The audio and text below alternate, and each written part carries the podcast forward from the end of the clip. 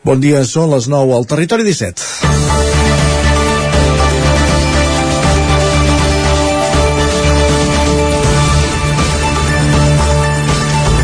La història repeteix, nou cas de violència masclista al Ripollès. Una noia de Ripoll de 21 anys va morir ahir al pis on vivia Can de Bànol amb la seva parella i la mare d'aquest. La policia va rebre l'avís pels vols de quarts de 3 de la tarda i quan van ser a l'immoble van trobar el cadàver de la noia amb diversos cops. El seu estat no s'ajustava amb la informació que donava la seva parella, segons informa el diari El País, i el van acabar detenint per la seva presumpta relació amb la mort de la noia, segons informaven al vespre els Mossos d'Esquadra. Es tracta d'un home de Can de Bànol de 36 anys. Des de la Conselleria d'Igualtat i Feminismes informen que s'està fent el seguiment del cas, un nou presumpte feminicidi, diuen, i acompanyen l'Ajuntament i es posen a disposició de la família de la víctima. També a Twitter, el conseller d'Interior, Joan Ignasi Helena, expressava el seu rebuig total a la violència masclista i donava el condol a la família i entorn de la víctima. De seguida anirem fins a Can de Bànol amb l'Isaac Montades per conèixer l'última hora del cas. Aquest feminicidi taca avui al territori 17. Ens posem en dansa a la sintonia de la veu de Sant Joan, Ona Codinenca, Ràdio Cardedeu, Ràdio Vic, el 9 FM, el 9 TV, Twitch i YouTube. Territori 17, amb Isaac Moreno i Jordi Sunyer.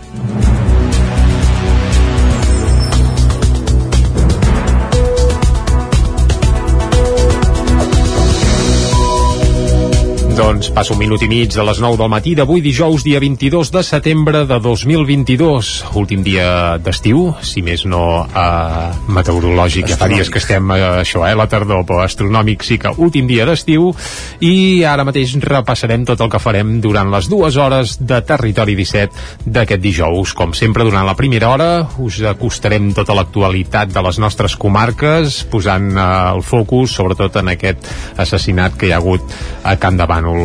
A partir de dos quarts de deu seguirem repassant la informació, però també el que farem és pujar el tren a la R3, com cada dia, a la Trenc d'Alba. Tot seguit arribarà l'entrevista que avui, Isaac, eh, des d'on eh, la farem? Avui des de Sant Feliu de Codines, avui parlem de carbasses, parlarem amb Dani Fonoll, regidor de Sant Feliu de Codines, sobre la Fira de la Carbassa, en companyia de la Caral Campàs, una codinenca. Doncs vinga, tots els detalls de la Fira de la Carbassa eh, de Sant Feliu de Codines a l'entrevista d'avui. I tot seguit, eh, un xic abans de les 10, el que farem és anar cap a la plaça. L'espai d'economia digital, de nova economia, que ens acosten des de Ràdio Televisió Cardedeu i 11.cat. I avui, alerta, per parlar sobre la irrupció de l'era digital a la indústria de la música, Spotify, YouTube, mm, valoritzacions, en fi, de tot plegat en parlem avui amb la gent d'11. Uf, això donaria per molt, eh?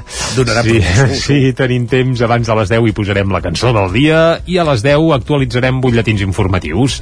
Tot seguit, parlarem de gastronomia, eh? Exacte, la Foc Lent. Parlarem de formatge, perquè aquest cap de setmana Ripoll acull una nova edició de la Fira Europea del Formatge i des de la veu de Sant Joan, en Gaspar Tarrida, eh, se'n va a l'aula d'hostaleria del Ripollès amb en David Sengles i també acompanyats de la Marina Puigcormer de la formatgeria de la Granja Mas al Lledrer. Doncs els amants del formatge, que no s'ho perdin. Això serà cap a un quart d'onze de, del matí. A dos quarts serà el moment de les piulades, de fer un cop d'ull a les portades del 99.cat i tot seguit anar cap al cinema.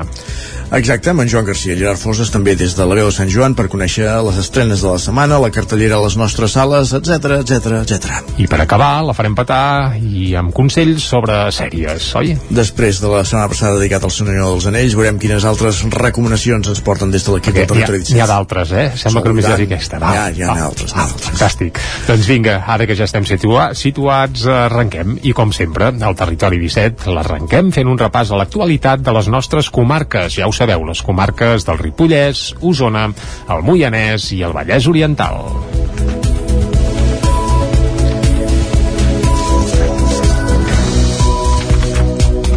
Com us dèiem a la portada, els Mossos d'Esquadra detenen un noi de 36 anys per la mort d'una noia de 21 en un pis de Can de Bànol. Isaac Muntades, la veu de Sant Joan. Dimecres a la tarda, la Divisió d'Investigació Criminal de la Regió Policial de Girona dels Mossos d'Esquadra va detenir un home de 36 anys i veí de Camp de Bànol que presumptament estaria relacionat amb la mort de la seva parella, una jove de Ripoll de 21 anys. Segons informen des del cos, haurien rebut un avís sobre dos quarts de 3 de la tarda per adreçar-se al número 3 del carrer Punterró, una petita via situada entre el carrer Balmes i el Puigmal, que està al costat del casino. Un cop allà, els agents van trobar el cadàver i van iniciar una investigació per aclarir-ne les causes. Per ara, el jutge instructor hauria decretat el secret de les actuacions. Des del Departament d'Igualtat i Feminismes es va començar un seguiment immediat del cas com un presumpte feminicidi, i és que la hipòtesi principal indicaria que es tractaria d'un possible cas de violència de gènere, ja que la noia presentava signes de violència. Fins al lloc dels fets s'hi va desplaçar la comitiva judicial, almenys tres ambulàncies del Servei d'Emergències Mèdiques de Catalunya i diverses patrulles dels Mossos d'Esquadra. Desenes de curiosos van acostar al lloc dels fets, però la policia va cordonar el carrer Puigmal a l'alçada de l'antiga farmàcia Puig i just abans d'arribar a l'escola Pirineu perquè ningú s'hi acostés. El noi se l'haurien emportat sense emmanillar-lo, segons alguns testimonis, poc després que passessin els fets i hauria ensenyat els braços a un mosso dient que no portava res. Poca estona abans de les 8 del vespre, un cotxe patrulla dels Mossos es va endur la mare del noi involucrat en la mort de la noia i uns minuts després va arribar el germà, que no sabia res d'allò que havia passat. Si s'acaba confirmant que es tracta d'un feminicidi, seria el segon que es produeix en menys d'un any, després del que es va produir la vigília de Tots Sants de l'any passat, quan un jove de 19 anys, Gerard Passamontes, va assassinar a ganivetades la seva mare, Maria Isabel Carpio, de 46. Passamontes va ingressar a la presó després de ser capturat pels Mossos el dilluns a la tarda, ja que havia passat la nit amagat al bosc. Gràcies, Isaac. Més qüestions. Anem cap a Sant Feliu de Codines, a una codinenca.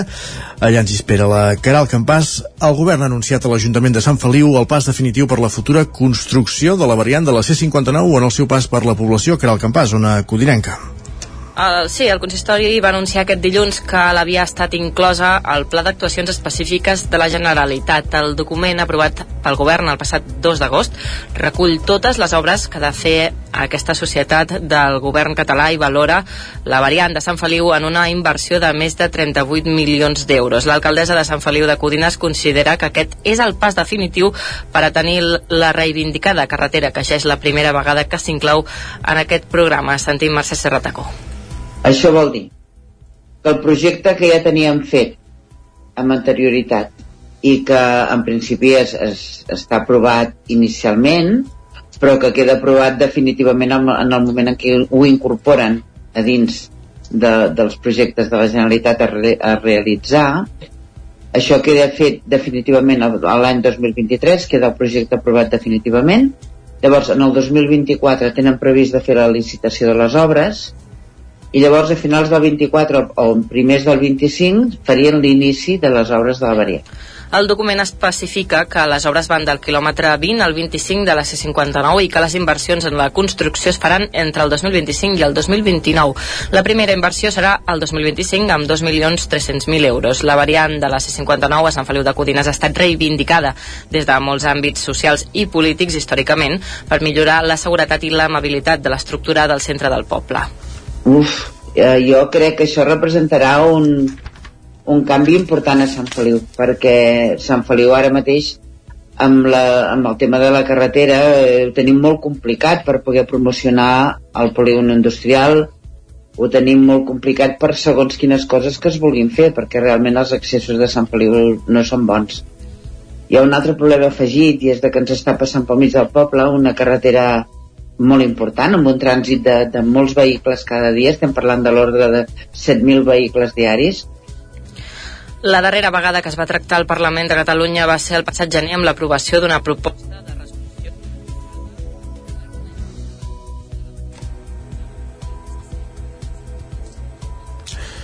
Hem perdut la comunicació amb Sant Feliu de Codines. Avancem en aquest territori 17 que ha presentat el Pla Local de Joventut, un document on ha de planificar les polítiques que s'impulsen a la capital zonenca per joves durant el període que va de juny de l'any 2022 al 2025. Per la seva elaboració, la regidoria de joventut de l'Ajuntament de Vic ha tingut en compte, a través d'un procés participatiu, la voluntat dels joves de la ciutat que s'han expressat en base als 17 objectius de desenvolupament sostenible, els ODS. La igualtat de gènere, el medi ambient i la salut emocional són les tres línies que més preocupen els joves de la capital d'Osona i que, per tant, marquen el full de ruta del Pla Local de Joventut de Vic, un document que ha d'establir les polítiques que s'han d'impulsar des d'ara mateix i fins al 2025 en termes de joventut a la ciutat. Aquest pla, que el plenari va aprovar al ple de setembre i que ahir es presentava eh, en públic, eh, ho van fer precisament la presentació doncs, la regidora d'Educació i Joves, Elisabet Franquesa, i el tècnic de Joventut, Joan Casas. El redactat s'ha fet en base a un procés de participació ciutadana i tenint en compte els 17 objectius de desenvolupament sostenible. Escoltem ara Elisabet Franquesa, que és la regidora d'Educació i Joves de l'Ajuntament de Vic. És un pla que hem inclòs tots els ODS, tots aquests objectius globals eh, de sostenibilitat eh, que ens marca la Unió Europea. Per tant, pensem que és una una manera de treballar ja mirant cap a aquest futur en, anant eh, una mica més enllà i pensant en aquestes polítiques educatives i, i de joves cap a aquesta mirada més àmplia de diferents eh, àmbits de, del dia a dia. De 630 joves de la ciutat, majoritàriament d'entre 11 i 15 anys, però també d'entitats juvenils, centres educatius, agrupaments i programes formatius de tota mena. D'aquest procés de participació n'ha sorgit un full de ruta que es marca nous reptes i es tradueix en 10 línies estratègiques. Les explica Joan Casas, tècnic de joventut de l'Ajuntament de Vic. D'aquests reptes eh, es desgranen en 10 línies estratègiques o de treball, que eren aquestes línies que us deia abans que són mm, bueno, eh, allò que ens plantegem d'assolir no? o, o els reptes que, bueno, la, el que volem, com volem treballar aquests reptes alguns eh, d'aquestes línies tenen unes accions perfectament definides i uns projectes perfectament definits que queden reflectits en, en el pla però d'altres, és això, les anirem desenvolupant o, eh, o han de tenir eh, bueno, l'agilitat per incorporar-ne de noves d'accions no? i aquestes 10 línies això es concreten en 36 accions i, i projectes. El Pla Local de Joventut també estableix com es pot millorar l'ocupabilitat de les persones joves, què s'ha de fer per atenuar les desigualtats en l'accés a noves tecnologies i com es poden combatre les situacions de desigualtat que pateixen les persones migrades d'altres països. Tomàs Molina va ser l'encarregat ahir d'inaugurar l'inici del curs acadèmic del Consorci Hospitalari de Vic i la Fundació Hospital de la Santa Creu. Ho va fer en una conferència relacionant la meteorologia i la salut. Uh, doncs molt bona nit, uh, els hi devia dir a tots plegats, però no perquè ho va Tot fer de bon dia, dia, eh? sí, sí. sí, ho va fer de dia. Com serà el temps del 2030 i com afectarà la salut? Aquesta era la qüestió que va tractar ahir Tomàs Molina durant la conferència que va fer per inaugurar el nou curs acadèmic del Consorci Hospitalari de Vic i la Fundació Hospital de la Santa Creu. El meteoròleg va explorar la relació entre el clima i la salut i es va dirigir al personal sanitari de l'hospital. Escoltem a Tomàs Molina. El temps està canviant i que ens hem de preparar per aquest canvi. El temps està fent més calor, està plovent menys, està canviant les coses del nostre entorn i això també fa canviar la nostra vida i també canvia la nostra salut i per tant els metges, les metgesses han d'estar preparats i amb el cap sobretot disposat entendre que les coses evolucionen i que cal que ens preparem per aquesta evolució. La conferència es va fer a la sala d'actes de l'Hospital Universitari de Vic i també es va poder seguir per streaming. Al final de l'acte es van lliurar els reconeixements anuals del Consorci Hospitalari de Vic a les millors publicacions científiques i a la millor comunicació realitzada per professionals durant l'any passat. A més, també es van homenatjar els que han obtingut el grau de doctor. Escoltem a Núria Roger, que és la directora de transferència de coneixement del Consorci. És un acte de reconeixement, sobretot també al, a la feina que s'ha fet amb l'àmbit científic de tots els professionals de Consorci. I llavors al final de l'acte es donen els premis als millors articles científics publicats, a les millors comunicacions presentades i també es fa un reconeixement a les persones que han pogut obtenir el grau de doctor. Tot això per fer créixer aquest concepte d'hospital universitari on es busca potenciar els vessants de docent, recerca i innovació a través d'una major col·laboració entre l'àmbit assistencial i l'acadèmic. Més qüestions. Els Mossos d'Esquadra van desallotjar ahir el bloc del Centre Social L'Espora de Cardedeu. El desallotjament s'havia fixat inicialment per aquest divendres, però per falta d'efectius policials ho van avançar dos dies. Òscar Muñoz, Ràdio Televisió, Cardedeu. La policia local de Ripoll va detenir a dos A primera hora del matí, furgones dels Arro arribaven al centre de Cardedeu per desallotjar la planta baixa del centre social L'Espora. L'actuació policial s'havia previst inicialment per aquest divendres. Els ocupants van rebre una notificació dient que s'havia posposat perquè no hi havia prous efectius dels Mossos per fer-lo efectiu. Teòricament ens havien notificat que, vin que vindrien el divendres, eh, vam trucar al jutjat, se'ns va comentar aquesta setmana que s'havia aturat i que ens notificarien amb un paper com per les vies legals. Hem estat esperant la notificació i no ha arribat i avui, sobre, va, passades les 8 del matí, han començat a arribar molts efectius de la policia. En el moment del desallotjament hi havia tres persones al pati de l'Espora que els Mossos van treure de l'immoble. Després van donar 5 minuts per treure les coses de l'interior abans de tapiar l'accés. I les tres persones que hi havia al pati han demanat explicacions, ningú els ha dit res, els polis, sense, abans que arribés la comitiva judicial, han començat a entrar dins, han tirat la porta a terra i han entrat cap al pati. A les 8 del vespre van convocar una manifestació als carrers del poble per donar suport i denunciar l'especulació. La nit va acabar amb identificacions i escorcolls per part dels Mossos després de la manifestació. Pràcticament un quart de deu, on era Londres i Barcelona, una empresa establerta ara a Sant Julià i Vilatorta, però nascuda a Vic, celebra el seu centenari. La companyia es va crear el 1922 amb el nom de Tallers Roca i es dedicava a fer maquinària per tractar fusta. Al llarg d'aquest segle ha evolucionat fins a ser una referència internacional en maquinària per a la bugaderia industrial. En l'última dècada l'empresa ha experimentat un important creixement i ha passat de 37 treballadors a 170 i ha triplicat la facturació fins a arribar als 28 milions d'euros de l'any passat. En la commemoració del centenari, el director general d'Onera Laundry Barcelona, Ivan Xillida, va llançar un missatge d'optimisme de cara al futur, tot i les incerteses econòmiques actuals.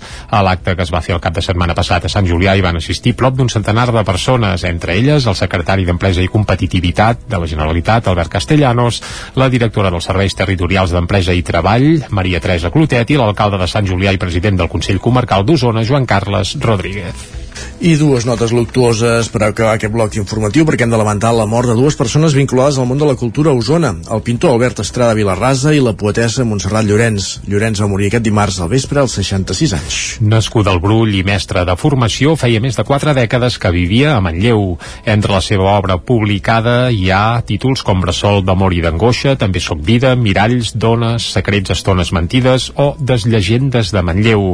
Va guanyar diversos premis, com el Miquel Martí Pol de Poesia, Roda de Ter, el Josep Montells d'Olot o el Premi de Narrativa de Call d'Atenes. Durant 38 anys, Llorenç va estar vinculada a l'Escola d'Adults de Manlleu, tant com a mestra com com a directora, i també va destacar com a activista social. Al ple que es va fer aquesta setmana a l'Ajuntament de Manlleu, l'alcalde Àlex Garrido explicava que Montse Llorenç havia mort i destacava la seva figura. L'escoltem. I ho dic amb, amb molta tristesa perquè ha estat una persona eh, que ha col·laborat i ha tingut un paper eh, molt rellevant en els darrers anys en l'educació de la nostra ciutat, especialment a l'educació de, de la gent més gran i dels més vulnerables, eh, sobretot a l'escola d'adults. Eh? Eh, fa res, uns pocs minuts ens ha deixat la, la Montserrat Llorenç, eh, a més a més una gran poetesa de, de la nostra ciutat i com dèiem, també ha mort el pintor, dibuixant i gravador biguetà Albert Estrada Vilarrasa. Nascut a la capital d'Osona fa 88 anys, la formació artística de Vilarrasa va començar a l'Escola Municipal de Dibuix de Vic. Al llarg de la seva trajectòria es va singularitzar com a creador d'un estil molt personal d'aquarela que el va portar a exposar a diversos països europeus i també als Estats Units. Ell mateix deia que a les aquarel·les no es podien subsanar errors posant-hi una altra capa de pintura, sinó que calia veure les jugades amb antelació, com en una partida d'escacs. També va exercir una notable trajectòria com a editor de revistes especialitzades i com a autor d'il·lustracions per a llibres. Ha estat, a més, eh, membre de l'Acadèmia de la Reial Acadèmia Catalana de les Belles Arts Sant Jordi i cònsul honorari d'Eslovènia a Barcelona. Doncs amb això acabem aquest bloc informatiu que començàvem al punt de les 9 del matí en companyia de Jordi Sunyer, que era el Campàs, Isaac Montades i Òscar Muñoz. Moment al territori 17 per la previsió del temps.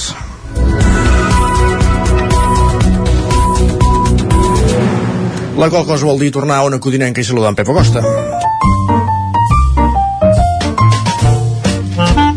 Casa Terradellos us ofereix el temps. Doncs sí, i un Pep Acosta que avui està bé de comiats, eh? Però el que acomiadem és l'estiu, eh? Ras i curt. Pep, va, molt bon dia. Hola, molt bon dia. I molt bona hora. Benvinguts a Gràcies, l'última gràcies. informació Ep. meteorològica d'aquest estiu Ah, de l'estiu, 2022. Val, val. Eh, tot s'acaba sí. i aquest estiu tan calorós que hem tingut, aquest estiu tan tan pesat, tan també, llarg, També s'acaba. doncs també s'acaba. Avui és l'últim dia sencer, demà i ja entrem a la tardor, a la tardor 2022, que esperem que sigui eh, força humida, força freda, Uh, aviam, aviam, aviam què passa, eh? Aviam, ja, ja, aviam, ja, sí. ja no vull pronosticar res, però, però esperem que sí, eh? esperem que sí. No, no estic gaire animat perquè fa el temps, però bueno, aviam, aviam què passarà aquesta tardor 2022. A l'estiu l'acomiadem amb fresca, fresca de nit, la majoria de mínimes entre els 10 i els 15 graus, per sota dels 10 graus al Pirineu i fins i tot per sota dels 5 ja els cims més alts d'aquesta serralada tan important que tenim a casa nostra. Eh, ja fa dies, eh, que les temperatures sí que han baixat, ja són normals per l'època de l'any, per fi una normalització, per fi es va acostant aquesta tardor que tant i tant desitgem moltíssima gent. Serà un dia avui encara bastant tranquil. No tindrem moltes precipitacions. Aquesta nit, molts núvols baixos. Ahir tampoc va ploure cap a la zona del Pirineu. Porto dos o tres dies dient que tindrem alguna tempesta de tarda. Mm, malament, malament, perquè tampoc ahir hi va haver aquestes tempestes de tarda i aquesta nit això, hi ha hagut molts núvols baixos que es van eh, es, es, van fent més espessos però tampoc no hem tingut cap precipitació. Eh, de cara a la tarda fins i tot tindrem més caladianes hi haurà més estons de sol i les temperatures baixaran respecte a ahir. La majoria màximes entre els 22 i els 26-27 graus a tot estirar fins i tot per sota d'aquests 22 graus a les zones més fredes. Lògicament, alta muntanya, bastant més fred, durant tot el dia no passaran dels 8, 9, 10 graus, com a molt. Els vents febles de, de, de, de mar cap a terra no, no seran molt destacables. I a l'espera d'aquest canvi de temps que tindrem a partir de demà. Els mapes encara ballen, eh, veurem què acaba passant, però ara mateix apunta que la, la màxima probabilitat de pluja serà la matinada de divendres i també la matinada de dissabte diumenge. Aquestes dues franges horàries serà quan més plourà. Però bueno, ja ho anirem veient, demà intentaré eh, posar encara més el focus en el cap de setmana i en les hores que més plourà. Serà incertesa total gairebé fins a les últimes hores. Depèn dels pols de perturbació, plourà poc, eh, bastant, molt o moltíssim. Per tant, molta, molta incertesa encara a aquestes hores prèvies de la perturbació que ens afectarà al cap de setmana. Moltes gràcies, adeu. Així, així jo també l'encerto, sí, eh? Sí, clar, clar pot, uh, molt, molt o moltíssim. Sí, sí, com serà. Ai, Pep. Però el, el zero no l'ha posat en lloc, eh? És a dir, que També alguna saps. gota Caurà. almenys s'arrisca a dir que alguna cosa caurà. Ho seguirem. Exacte. Va, l'escoltarem d'aquí d'aquí mitja hora llarga també i aviam si ens afina un pèl més la previsió. Mentrestant anem cap al quiosc, va. Casa Tarradellas us ha ofert aquest espai. Doncs és moment de saber què diuen avui els diaris, les seves portades. Suposo que molta Rússia, Jordi. Sí, avui el protagonista és Vladimir Putin, que ahir va amenaçar amb un conflicte global, amb, amb, vaja, amb armes nuclears, i fins i tot doncs, va eh, ordenar la mobilització de milers, 300.000, eh, crec que, que eren doncs, joves que s'haurien d'incorporar a l'exèrcit per reforçar Que, les que tropes. frisen per trobar un vol a Istanbul, Eh, que, sí. que ara mateix no troben, eh? Correcte, sí, perquè molta gent ara mateix, si vols fugir de Rússia en avió, doncs és impossible. Però vaja, anem a la portada, per exemple, de l'Ara. Eh, sempre comencem pel punt avui, eh? però avui he volgut començar per l'Ara perquè és que és un titular espectacular. Aviam. espectacular. Uh, obre en cita, no és un farol. Evidentment són paraules de Putin i uh, amenaça nuclear de Putin. I això textual no és un farol. La fotografia, un dels milers de joves detinguts a Rússia precisament perquè quan Putin va donar a conèixer uh, això que mobilitzaria doncs 300.000 joves per incorporar-los presumptament a l'exèrcit rus doncs va haver-hi una llau de protestes al carrer a tot Rússia, no només a Moscou i uh, segons s'apunta hi hauria més d'un miler de detinguts i a la fotografia, a la fotografia es veuen això uns policies russos enduent-se un jove eh, doncs detingut, evidentment. També a la portada de l'Ara, ja que som, veiem que Turull arrasa davant Borràs i controlarà l'estructura de Junts, això apunten a la portada, i la fiscal de Nova York denuncia Trump per frau continuat. Això no sé si seria una novetat, però bé, la denúncia està feta. Uh, més coses, anem al periodi, al punt avui, va, sí, que ens l'havíem deixat, normalment encetem sempre pel punt avui, titular, Putin va a totes, mobilitza 300.000 reservistes i esgrimeix l'amenaça nuclear, en la mateixa línia que l'ara, però sense aquell, aquell El farol. farol que, que destacàvem de, de, vaja, de l'ara. I un altre titular, el gran patrimoni resideix a Madrid. Eh, ahir el cridaven en Andalusia, a Catalunya n'hi ha, però n'hi ha més, es veu que és a Madrid i això ho apunta un reportatge del Punt Avui. Anem ara cap a l'avantguàrdia. Putin s'embranca en una escalada cridant a files 300.000 reservistes. Aquest és el titular principal i la fotografia, igual que passava a l'ara, doncs també per la detenció d'uns joves arran de les protestes que es van generar ahir arreu de Rússia. També al peu de la portada hi trobem que Pere Aragonès demana al PP que posi fi a la seva, obrim cometes, catalanofòbia fiscal. Evidentment, tot fa referència a la crida del president andalús a que les empreses catalanes posessin la seu fiscal allí perquè no hi ha impost de patrimoni. Veus que bé? Todos somos iguales. Vinga, va, anem al periòdico. També el titular principal, evidentment, és per Putin. Putin mou fitxa des, després de l'ofensiva d'Ucraïna. Per tant, el periòdico van més, un pas més enllà i ja diuen per què Putin ha cridat a reservistes i és perquè, en teoria, veu que està, entre cometes, perdent la partida a, a Ucraïna. També a la portada del periòdico hi trobarem les fotografies perdudes de Català Roca, una exposició rescata imatges urbanes fetes entre 1950 i 1951 d'aquest il·lustre fotògraf català. Més portades, anem ara, si et sembla, Isaac, cap a les que s'editen a Madrid, on evidentment Putin també, diguem que triomfa, eh? Comencem pel país. Un Putin cada cop més sol esgrimeix l'amenaça nuclear.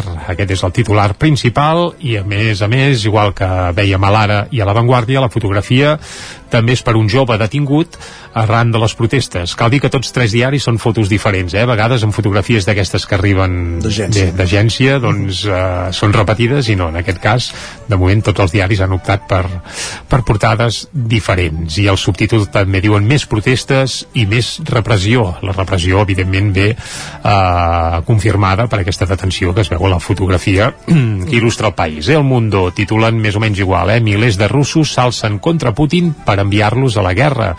Aquest és el titular principal, també acompanyat d'una fotografia d'un ciutadà rus detingut. I també eh, un informe intern del Barça, i obrim textualment, eh? Piqué causa eh? un gravíssim perjudici al club això el Mundo bé, eh, posen Piqué doncs, a l'ull de l'huracà.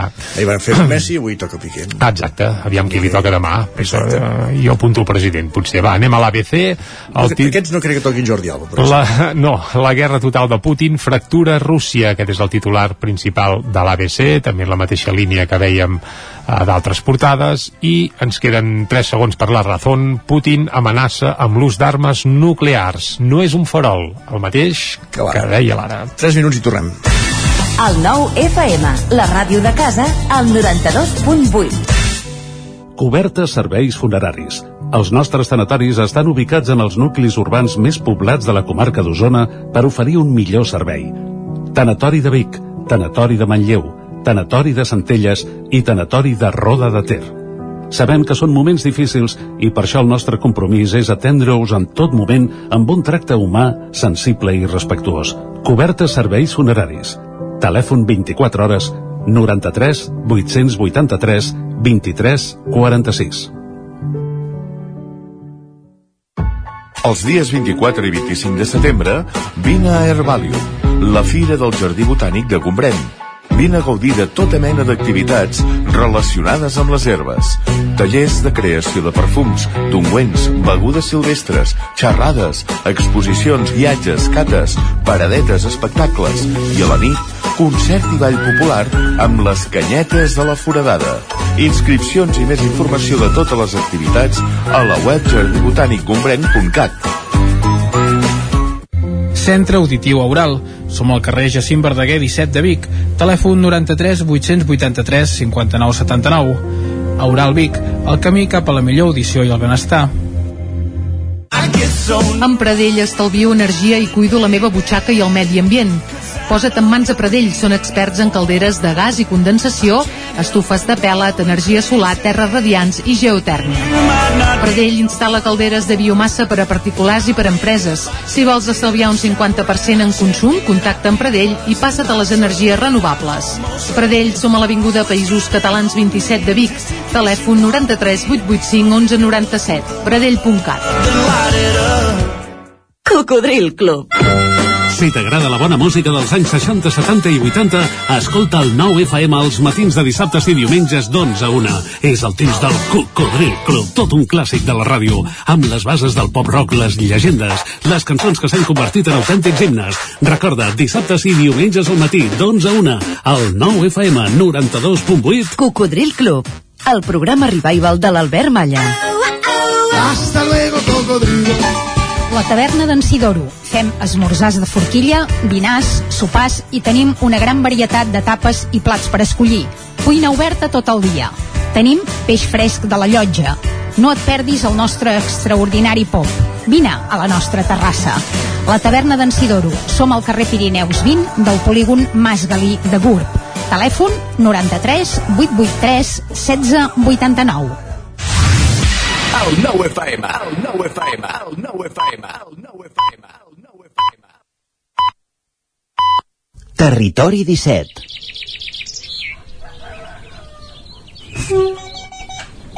A Tren d'Alba. Cada dia els usuaris i usuàries de la línia R3 de Rodalies que veuen sortir el sol des d'un vagó ens expliquen les gràcies i les penes del primer comboi que uneix Ripoll i Barcelona o les feixugues jornades amb el tren després de treballar.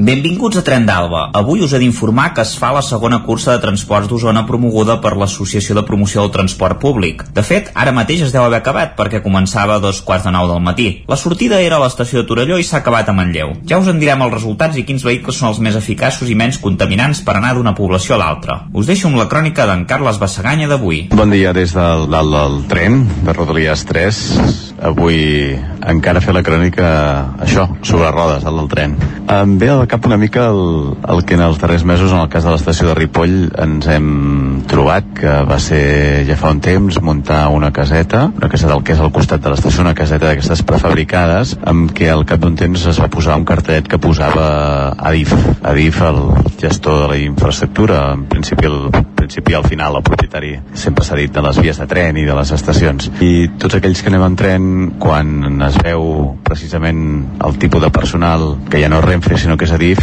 això vol dir, hauria de voler dir inversions i millora. I habitualment quan veus aquest tipus de moviment i per tant segurament l'amable personal d'Adif ho associes a que venen problemes. Aquella caseta s'ha instal·lat precisament abans de les obres del pont de Ripoll i segurament abans de les obres que hi ha d'haver també a la resta de línia i segurament la seva funció és precisament millorar la gestió i tenir informació de la mateixa infraestructura. Però és curiós i ho dic aquesta setmana que precisament s'ha posat eh, també a l'agenda tot el tema de les obres de, de la línia que no ens afecta a nosaltres, de la ROT 2 a Rodalies 2, doncs és curiós això, veure quasi, quasi aquest tipus de situacions que han de ser promocionals, quasi com una amenaça en el nostre trajecte. Per això tota la solidaritat també la gent que ens ve de les altres línies, i en particular la gent del Vallès i del Maresme, aquests dies també estan patint el que malauradament nosaltres patim quasi, quasi cada dia. Res, adeu-siau, bon dia des de Rodalies 3, un nou dia de trajecte i que tingueu bon,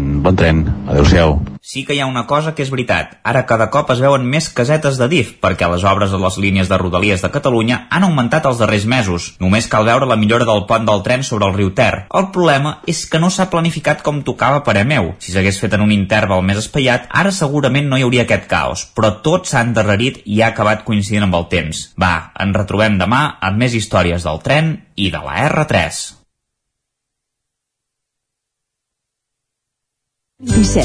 Envia'ns les teves notes de veu per WhatsApp al 646 079 023. 646 079 023. WhatsApp Territori 17.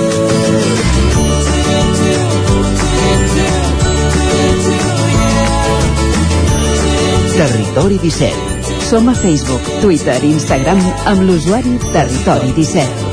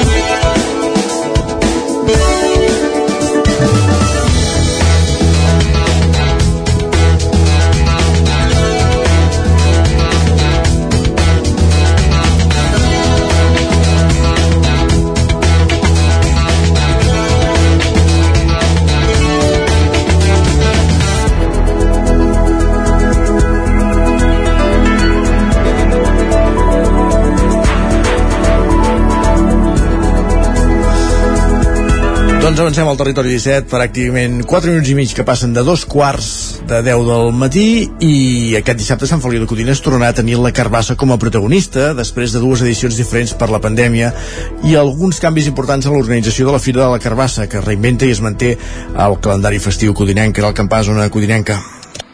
Sí, en aquestes dues passades edicions um, s'havia doncs, uh, mantingut uh, la pesada de carbasses gegants de la festa, dues edicions marcades per la pandèmia, i veurem com es presenta la Fira de la Carbassa aquest dissabte i en parlem amb el regidor de festes de Sant Feliu de Codines, Dani Fonoll. Bon dia.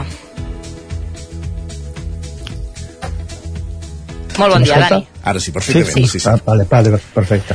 Eh, primer volíem demanar als Boines Negres, fins ara era l'entitat organitzadora. Què, què ha Sí. passat a, amb ells? Doncs 40, a veure, uh, enguany ha, sigut, ha estat un any estrany, ha estat un any estrany en el sentit de que el temps tampoc ha acompanyat excessivament, La- l'afició la, a Sant Feliu pel Conreu eh, doncs cada vegada eh, s'està va, va a la baixa directament. Llavors entre que no hi ha hagut aigua la carbassa, sobretot aquestes carbasses gegants necessiten moltíssima aigua i quan vol dir moltíssima aigua potser estem parlant de 500 litres cada dia. No ha sigut el millor any de l'aigua perfectament sabem tots que, no, que encara estem amb escassesa i, i, i sembla que la Fira de la Carbassa portarà aigua per començar a omplir pantans altra vegada. Vull dir que eh, el tema està així no? llavors entre això i per altra banda que no tenien tampoc gaires ganes de, de continuar-ho perquè la, la, la cosa és que doncs, com totes les associacions la gent es va fer gran i la gent doncs, eh, les ganes a lo millor se li van a un costat i tot. Però bueno, entre una cosa i l'altra doncs, van decidir que no hi hauria Fira de la Carbassa però des de l'Ajuntament pensem que és una de les fires primordials a Sant Feliu de Codines i que en cap cas volien deixar-la perdre. Llavors doncs eh, hem pretès fer una fira perquè es mantingui no de dos dies del cap de setmana sinó d'un sol dia que serà el dissabte 24 dia plujós per altra banda segons diuen totes les informacions i sembla que cada vegada hi apunten més però bueno, això ja en parlarem ara a veure com ho farem i hem decidit fer una fila de carbassa. Què passa? Al no tenir la pesada de carbassa gegants, que potser és el més eh, espectacular de la fila de carbassa, això és la realitat, doncs hem buscat alternatives, hem buscat alternatives perquè mantenir-la i l'any que ve doncs veurem si, si realment ja torna a haver carbasses gegants i, i les podem tenir a casa nostra. Per tant, com deies, la proposta s'ha preparat íntegrament des de l'Ajuntament, diguéssim, amb la idea aquesta de, de mantenir la fira, eh? Exacte, vull dir, dintre de Sant Feliu doncs, hi ha diverses fires que són primordials, estem parlant de la Fira del Rellotge, estem parlant de la Fira de la Carbassa. Eh, llavors, doncs, no, no, vam considerar que si es perdia era un primer pas per no fer-la mai més, llavors vam considerar que no era el seu. Vull dir, el seu era mantenir-la d'una manera o una altra i s'ha enfocat de, diferent, però bueno, esperem que, que hi hagi molta gent aquest eh, dissabte dia 24 i que puguem doncs, eh, gaudir de carbasses, perquè hi haurà carbasses, no hi haurà carbasses gegants, però hi haurà carbasses, que per això es diu la Fira de la Carbassa, i mirarem de fer una sèrie d'activitats que sobretot més encaminades per la, la gent jove, per nanos i, i per la gent de mitjana edat, perquè farem competicions i tot, ara, ara ho explicarem, i, i bueno, si venen nanos venen pares, amb la qual pues, les parades també tindran el seu moviment, evidentment. Sí, abans d'entrar en saber com es planteja eh, la jornada de dissabte, um, les dues edicions anteriors uh, la pesada es va retransmetre per streaming, oi? Per la gent que, que no ho hagi pogut seguir com va anar això. Sí, correcte, es va fer en un local tancat que no es permetia l'entrada de la gent, només hi havia la gent que feia la, la feina i que les valorava i tot això, i aleshores pues, es va retransmetre la, la, les pesades, per, veure, és dir, va ser un acte que en si pues, des del matí que arribaven les carbasses es pesaven, vam estar pues, un dia al matí, al matí, bàsicament des de les 10, quarts d'11 fins a les quarts d'una a la una que s'acabava tot i es donaven els premis i ja està, no? Llavors, doncs, aquest any el no haver-hi carbasses per, per competir, doncs s'ha tingut que replantejar tot. Vull dir, llavors serà una fira al carrer, com pot ser una fira de Nadal, com pot ser el rellotge, que també és un, un dia, doncs serà exactament el mateix. Uh -huh. I com es planteja aquesta jornada? Hi haurà alguna activitat més enllà del que és la, la pròpia activitat firal? Sí, sí, evidentment, perquè només amb l'activitat firal doncs els firaires tampoc estarien gaire d'acord si no hi ha fira de carbassa amb la pesada i tot, que era el que feia atrair gent, no? Aleshores, doncs, bueno, tindrem unes 12-13 parades aproximadament, moltes abassades amb carbassa, algunes no, per poder omplir una miqueta també l'estoc d'oferta, doncs hem dit que aquest any no serem tan estrictes que només sigui coses de carbassa, i aleshores, doncs, el que farem és, eh, en primer lloc, farem una traginada de carbassa, carbasses, hem aconseguit una setantena de carbasses entre 3 i 5 quilos, que això estaran exposades a l'entrada perquè la gent les pugui veure i les pugui tocar, per dir-ho d'alguna manera, i el que estem fent és grups de 6 nanos que han de fer una gincama, una gincama entre dos punts, que cada, o cada tros de, de carrera l'ha de fer un nano amb unes condicions diferents, un anirà a peu coixet, l'altre anirà a colarreres, l'altre anirà donant saltets eh, amb les dues cames juntes. Vull dir, cada 20 metres o 25 metres cada un la té que portar d'una manera i es portaran a un punt. I aquest punt, al final del temps determinat, quantes més carbasses hi hagin, doncs aquell equip guanyarà. Vull dir, no, no, no té més, no és una miqueta, doncs agafar, hem fet tres categories de, de grups, eh, de 8 a 10 anys, de 11 i 12 i més grans de 13, perquè hi hagi, perquè clar, no és el mateix el que pot portar un xaval de 14 anys que no un xaval de 8 anys. Llavors hem intentat fer. Què farem amb aquests nanos? Doncs, bueno, els guanyadors de cada una de les categories tindran un diploma, eh, tindran cada un dels components un val de 10 euros per gastar en productes educatius a les papereries de Sant Feliu i eh, tots, tots, tots els participants s'emportaran una carbassa, evidentment.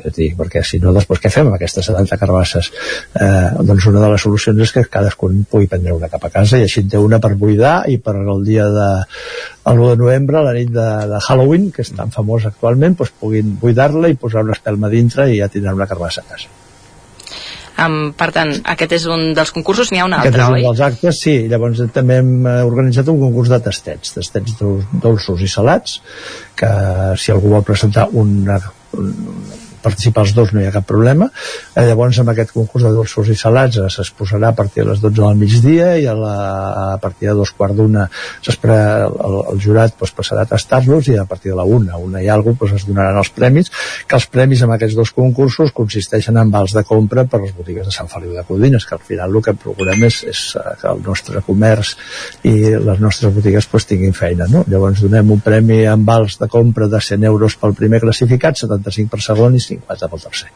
Llavors així més o menys omplirem el de matí.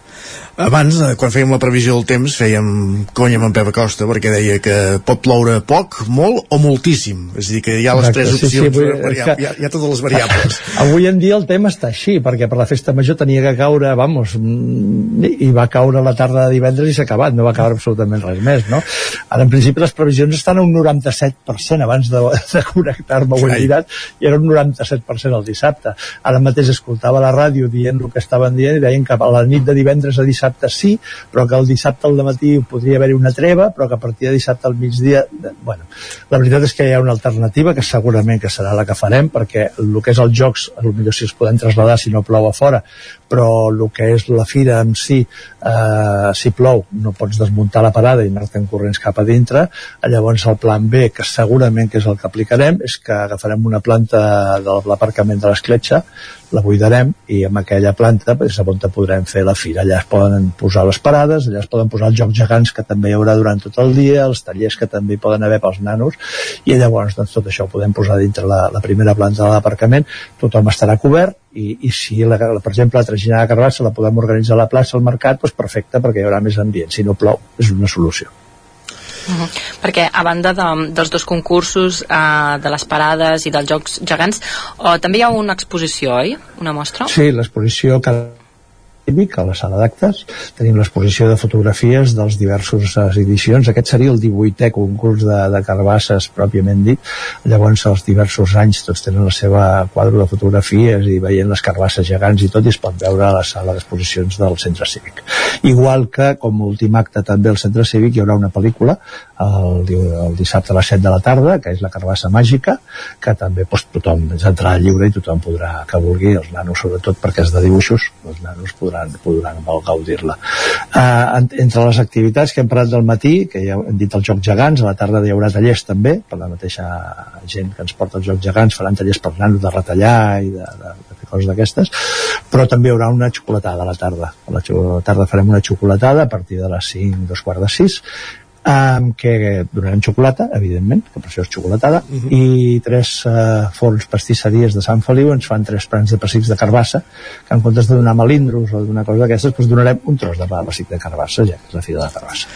Dani Fonoll, regidor de festes de Sant Feliu de Codines, mm, que hi hagi sort en aquesta Fira de la Carbassa de dissabte, una Fira de la Carbassa reconvertida per les circumstàncies, per la falta d'aigua que ha fet que no, que no hi hagin grans carbasses, però que esperem que, que es pugui mantenir el caliu i que la Fira es pugui recuperar amb el seu esplendor en altres edicions. Que vagi molt bé dissabte i gràcies per ser avui amb nosaltres. Aquesta és, aquesta és la intenció, moltes gràcies per trucar-me i esperem que vagi molt bé dissabte, moltes gràcies. Bon dia. Nosaltres avancem al territori 17. Gràcies també, Caral. Merci, fins ara.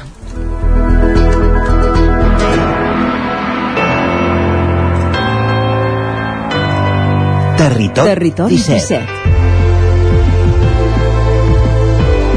Territori 17.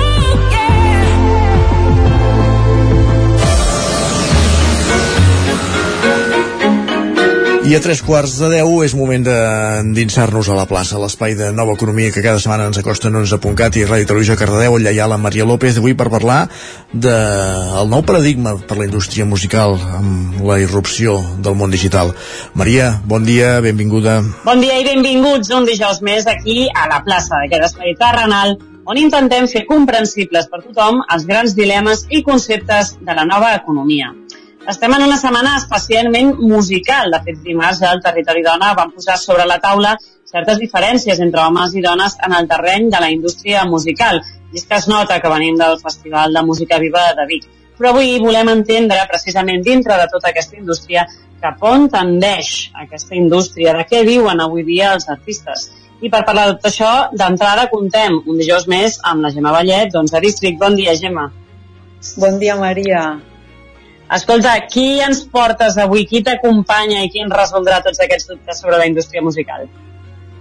Ens acompanya una persona, un gran professional, que és el Miliu de la Seda, que és productor de, de rumba, de rumba catalana. Eh? Jo crec que és una de les persones que està fent doncs, que la rumba sigui més internacional i un punt de referència eh, també a nivell de produccions musicals.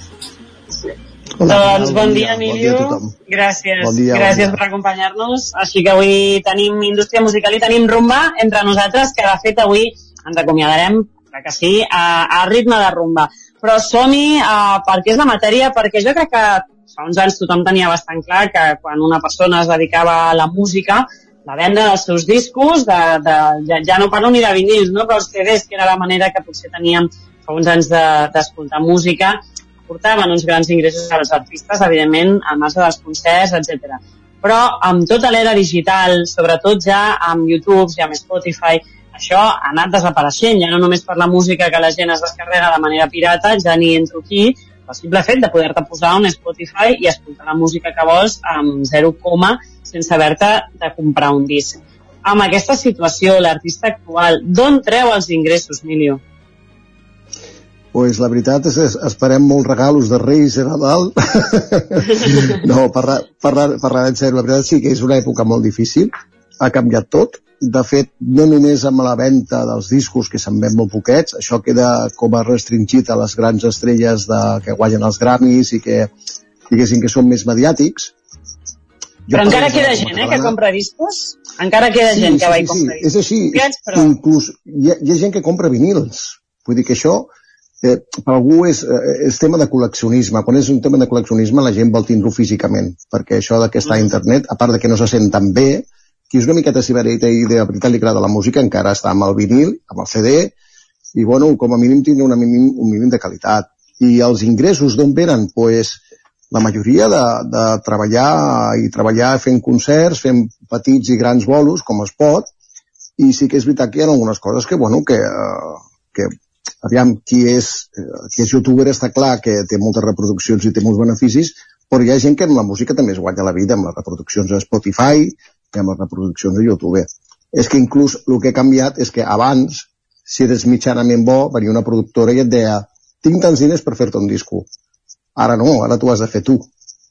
Has de fer tu el disco, pagar la producció, pagar l'edició i la distribució d'aquest mateix disco. Vull dir, no és com abans, no té res que veure. No, no, exactament.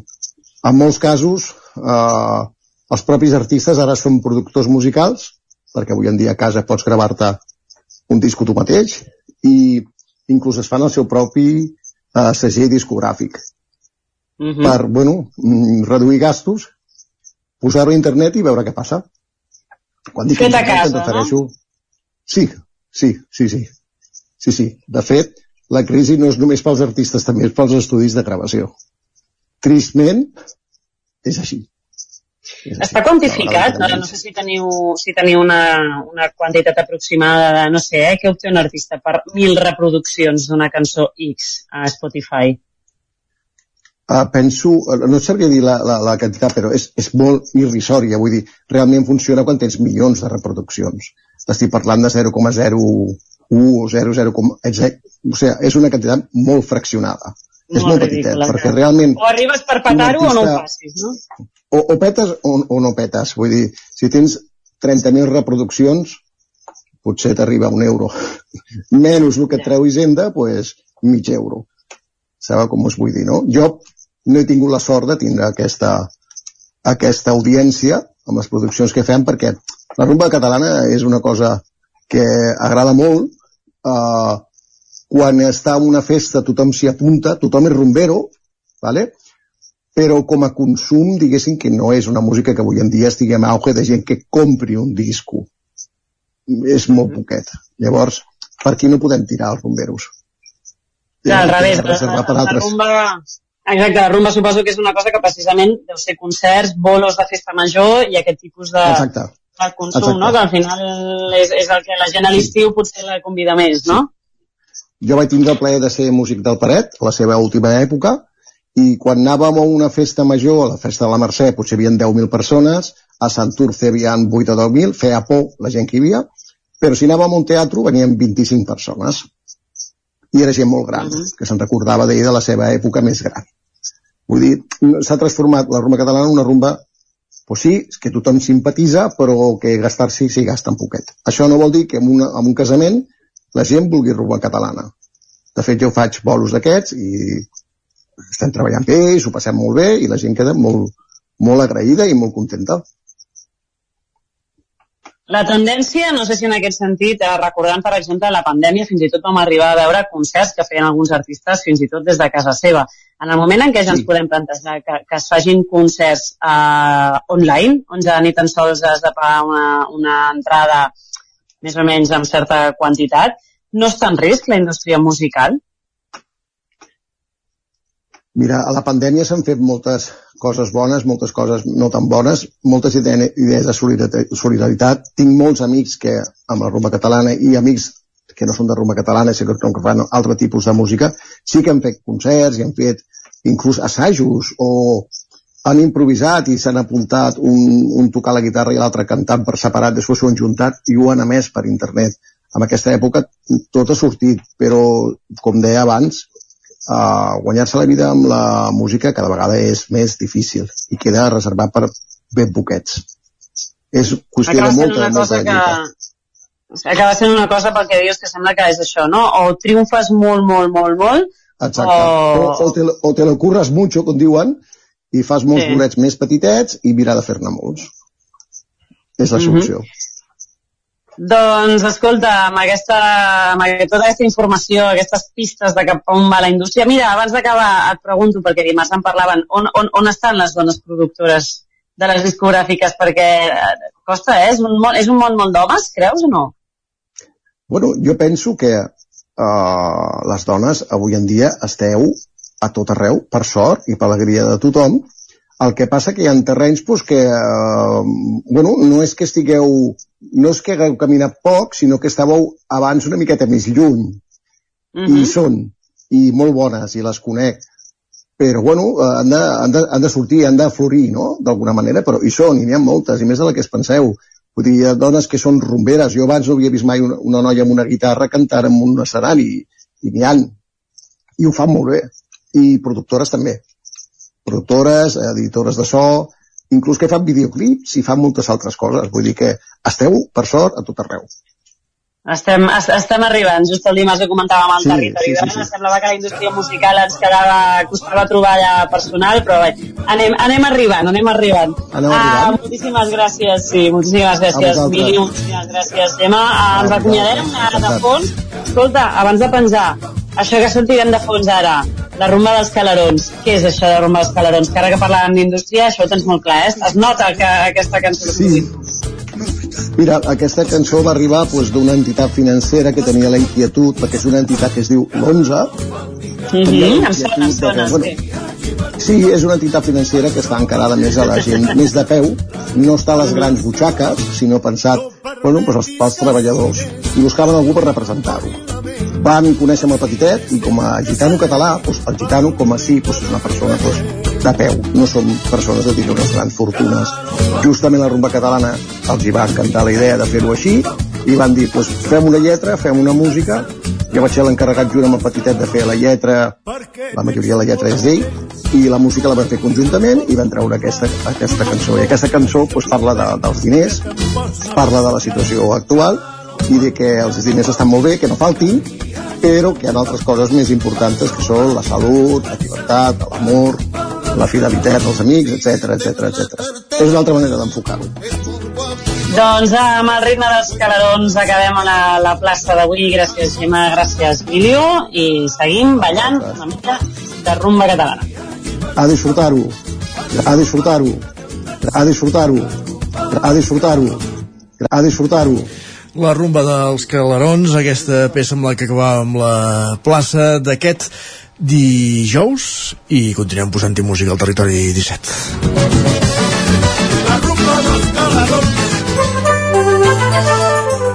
Al territori 17, que arriba com cada dia a les 10, amb música Jordi.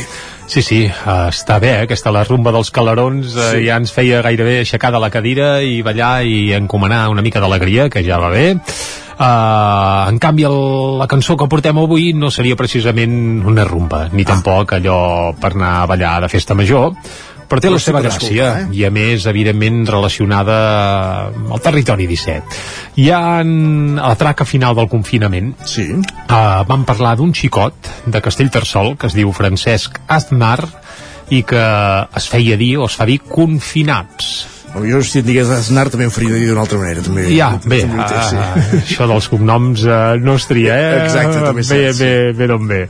Doncs bé, en Confinaps, uh, què va fer durant les èpoques més dures del confinament? Doncs mira, com que era músic i estava tancat a casa, doncs anava penjant cançons i les penjava a les xarxes i es quedava tan ample com tanta altra gent.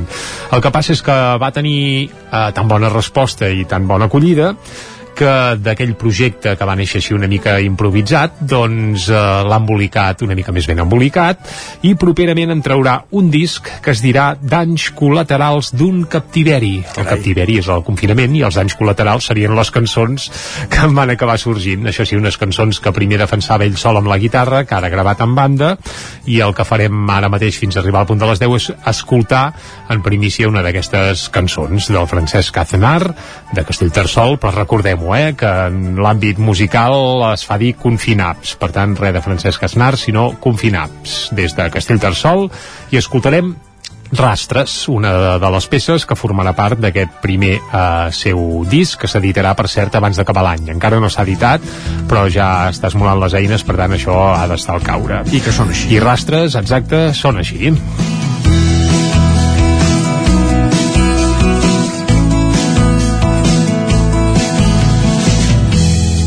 Quan creus que t'has lliurat, respires alleujat, addicte a l'esperança que et menteix. Potser serà millor no mirar l'horitzó, no descobrir aquell rastre que ens uneix marques que el temps ha d'esborrar. Traces que avui no seguiran humiliacions he d'oblidar. Rastres, rastres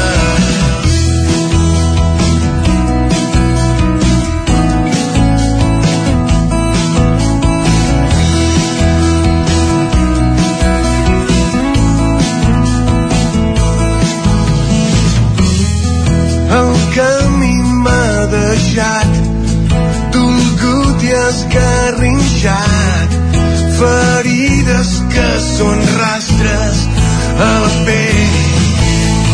Matins mirant finestra enllà tardes plovent dins el meu cap vespres i nits reconstruint els rastres rastres. Marques que el temps ha d'esborrar traces que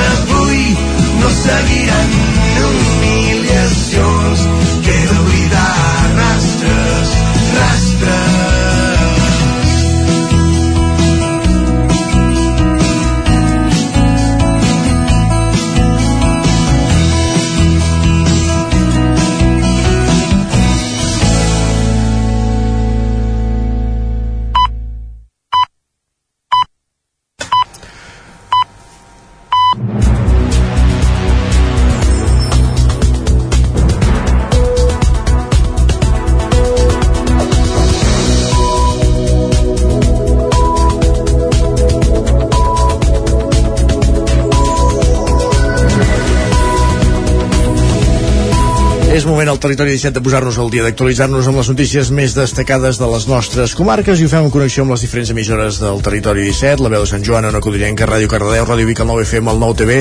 També ens podeu veure per Twitch i per YouTube i tot seguit el que fem és connectar doncs, amb tota la redacció del programa per explicar-lo, per posar-nos al dia. La notícia del dia ja l'hem explicat només de començar el programa, aquesta mort, aquest cas de violència de gènere, aquest cas de violència masclista ahir a Can de Bànol, però a la pàgina de successos hi ha més notícies al Ripollès. La policia local de Ripoll deté dos joves per un presumpte robatori amb força. Isaac Muntades, la veu de Sant Joan.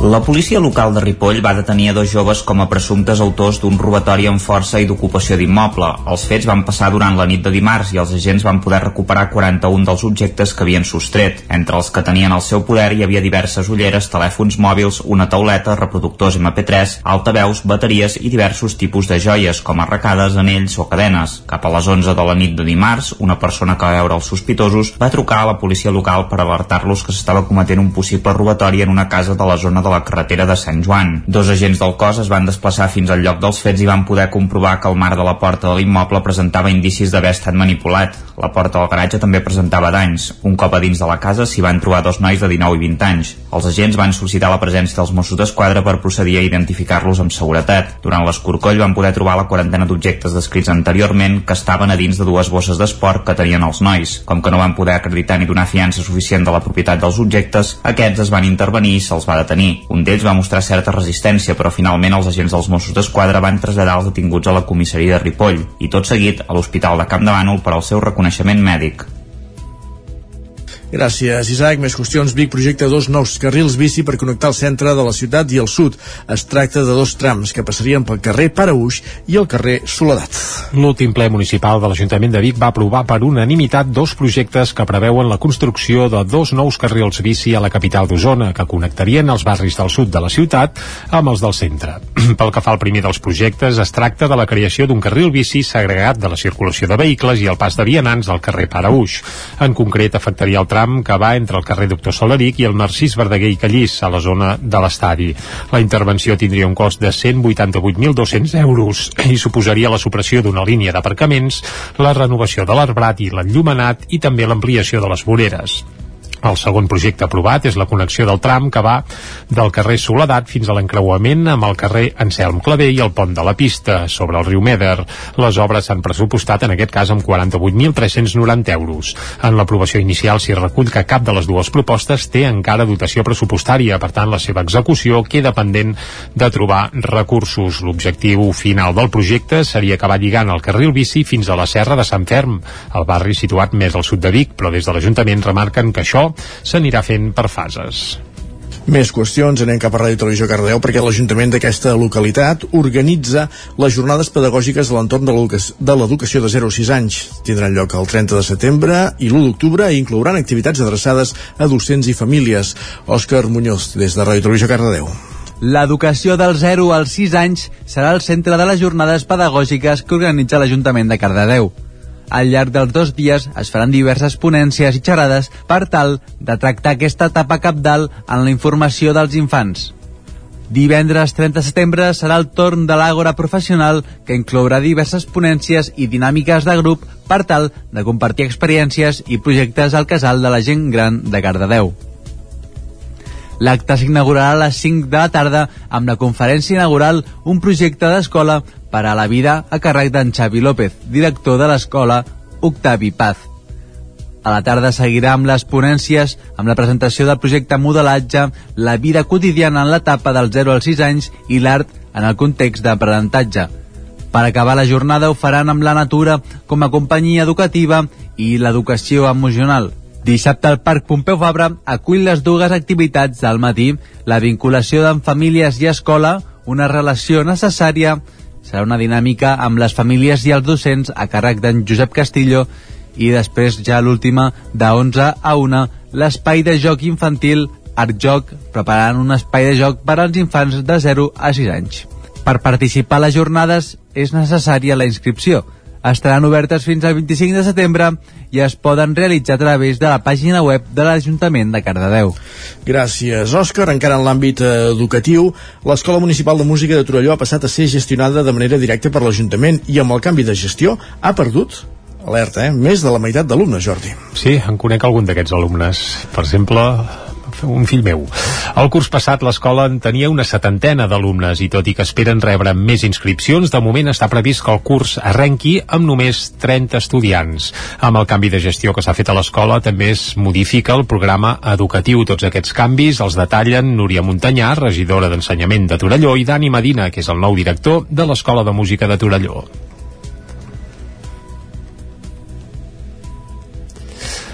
De moment no podem escoltar Núria Montanyà i a Dani Medina, el nou director de l'Escola de Música de Torelló, que prové precisament de l'Escola Municipal de Música de Roda de Ter. Fins l'any passat n'era el director. El principal objectiu que s'ha fixat la nova direcció de l'Escola de Torelló és facilitar a tota la població l'accés a la sensibilització, la formació i la pràctica musical.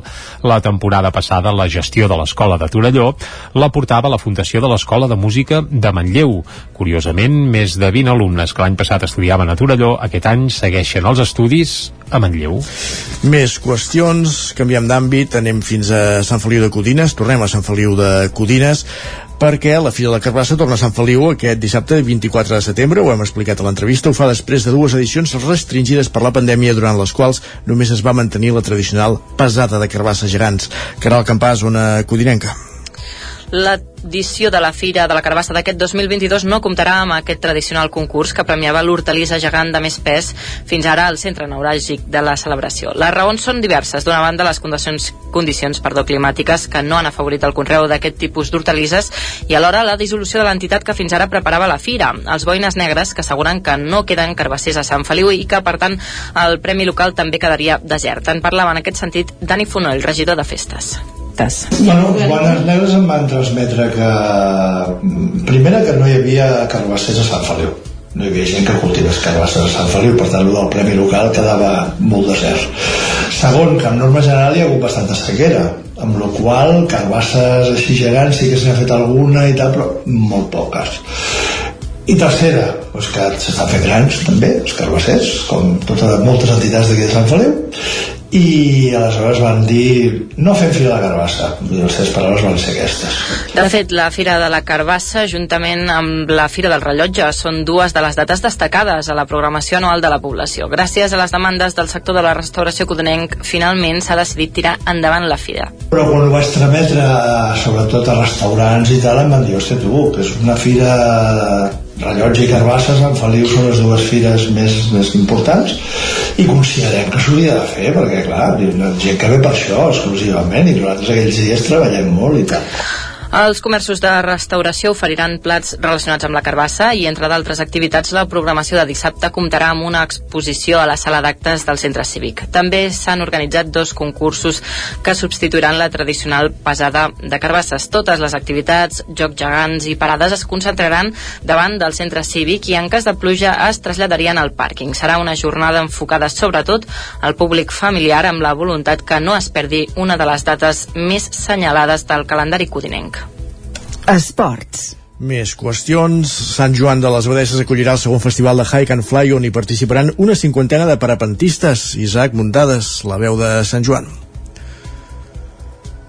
I coincidint amb la festa del Grito, aquest cap de setmana se celebrarà el segon festival de Hike and Fly de Sant Joan de les Abadeses, una activitat que consisteix a caminar i volar en parapent que està organitzada pel Club Vol Lliure Serra Cavallera. El president de l'entitat, Xavier San Fulgencio, apuntava que en cas de mal temps, com apunten les previsions, el festival es faria el següent cap de setmana. Les activitats començaran dissabte al matí amb un entrenament guiat per Serra Cavallera que consistirà a trobar un punt d'enlairament adient per volar. Els participants pujaran en cotxe fins al Pla d'en Plata o Ugassa i després caminaran per superar un desnivell nivell de gairebé 400 metres més per enlairar-se. En principi sembla complicat que es pugui arribar a Sant Joan pels corrents tèrmics que hi ha en aquesta època de l'any i segurament els parapentistes baixaran només fins al Pla d'en Plata. A la tarda hi haurà una formació en instrumentació i mapes que es farà al Palmàs. Diumenge al matí es disputarà una competició popular sense classificació en què hi haurà una cinquantena de participants. Sant Fulgencio va incidir en que es vol fugir de la competició extrema. El que volem és que la gent que vingui no vingui a una competició, perquè llavors tira molt enrere. La gent no, no és una disciplina on hi hagi molta gent que, que tingui un nivell com per competir. Llavors el que volem és que la gent s'iniciï aquest any, el que ve un altre, i seguim fent un festival on la gent s'ho vingui a passar bé i practiqui l'esport i el conegui. I qui es vagi perfeccionant, qui sigui més bo, doncs que es vagi apuntant a competicions que vagin sortint. Hi ha la cantera necessària encara per fer competicions. Tot seguit es farà un dinar popular i els participants podran baixar per una tirolina que connecta el pont vell amb el pont nou per provar els seus paracaigudes com si fessin la simulació d'una emergència. El president del club n'explicava el motiu. Nosaltres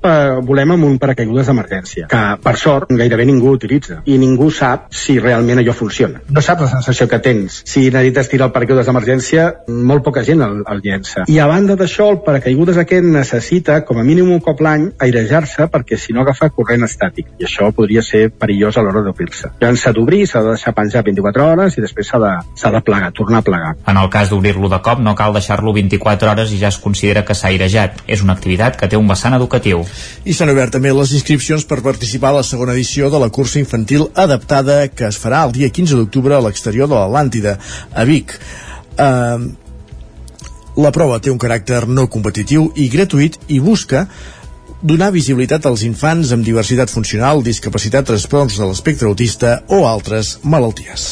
La Clàudia, per exemple, és una nena de 4 anys que té el síndrome de Menke-Henkam, una malaltia que només s'ha diagnosticat a 50 persones a tot el món. Es tracta d'un síndrome que genera problemes físics, neurològics i dificultats per veure-hi i sentir-hi. No obstant això, l'any passat la Clàudia ja va participar a la primera cursa infantil adaptada i el 15 d'octubre ho faran la que serà la seva segona edició. Escoltem a la seva mare, la Ju Bueno, la verdad que para nosotros fue un fue todo un, una maravilla de proyecto ver que, que, se iniciaron este tipo de cursas inclusivas, ¿no? Que además creo que debería de extenderse por todos por todos los pueblos, las ciudades, por todos lados, porque bueno, al final hay muchos peques que no pueden participar en las cursas habituales a las que estamos acostumbrados, ¿no? Y bueno, al final ellos también tienen derecho, ¿no? Como, como todos. Una prova, la que es farà a Vic, que es desplegarà a l'exterior de l'Atlàntida i que espera rebre una cinquantena de participants. Les inscripcions ja estan obertes. Ho detalla Titi Roca, regidor d'Esports de l'Ajuntament de Vic. Uh, L'inscripció sempre preveiem, i l'any passat i aquest any preveiem unes 50, per, 50 participants. Per espai, per, per moment de la pràctica, diguéssim, perquè necessiten... no pots començar molt d'hora ni pots acabar molt tard, per tema d'horaris. Per tant, el, el temps i l'espai per poder poder practicar està acotat amb traçats lineals de 10, 20, 30, 40 o 50 metres, la cursa tornarà a comptar amb la col·laboració de les entitats que formen la taula de diversitat funcional d'Osona i també amb la col·laboració del Consell Comarcal. Escoltem a Maria Balàs, que és la gerent de l'ATFO. Per nosaltres és molt important eh, fer-la al carrer, fer que la gent ho vegi, que la gent participi, que la gent vingui, sobretot jo el que demano és que la gent vingui perquè és una experiència que crec que tothom l'ha de veure. Les inscripcions a la cursa es poden fer de forma gratuïta a través de la web d'esports de l'Ajuntament de Vic. Les entitats organitzadores també busquen, a través de l'ATFO, persones que el dia 15 d'octubre vulguin participar-hi com a voluntàries. Perfectíssim, acabem aquí aquest repàs informatiu que començava amb el punt de les 10 en companyia de Jordi Sunyer, Caral Campàs, Isaac Muntades, Òscar Muñoz. Tot seguit, moment de conèixer la previsió del temps. Casa Terradellos us ofereix el temps. Moment de saber si plourà poc, molt o moltíssim. Bé, uh, o, o, o totes, totes coses plegades, perquè el territori 17 és molt llarg és molt ampli i pot ser que passi una mica de tot a tot arreu, però vaja, li demanem primer de tot amb en Pep, per on aniran els trets. Pep, salut i bon dia. Hola, molt bon dia. A l'estiu acomiadem amb fresca, fresca de nit, la majoria de mínimes entre els 10 i els 15 graus, per sota dels 10 graus al Pirineu i fins i tot per sota dels 5 ja els cims més alts d'aquesta serralada tan important que tenim a casa nostra. Serà un dia avui encara bastant tranquil. No tindrem moltes precipitacions.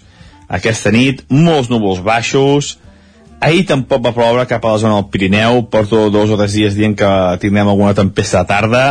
Mm, malament, malament, perquè tampoc ahir hi va haver aquestes tempestes de tarda i aquesta nit això, hi ha hagut molts núvols baixos que es van eh, es, es, es van fer més espessos però tampoc no hem tingut cap precipitació eh, de cara a la tarda fins i tot tindrem més clarianes hi haurà més estons de sol i les temperatures baixaran respecte a ahir. La majoria màximes entre els 22 i els 26-27 graus a tot estirar.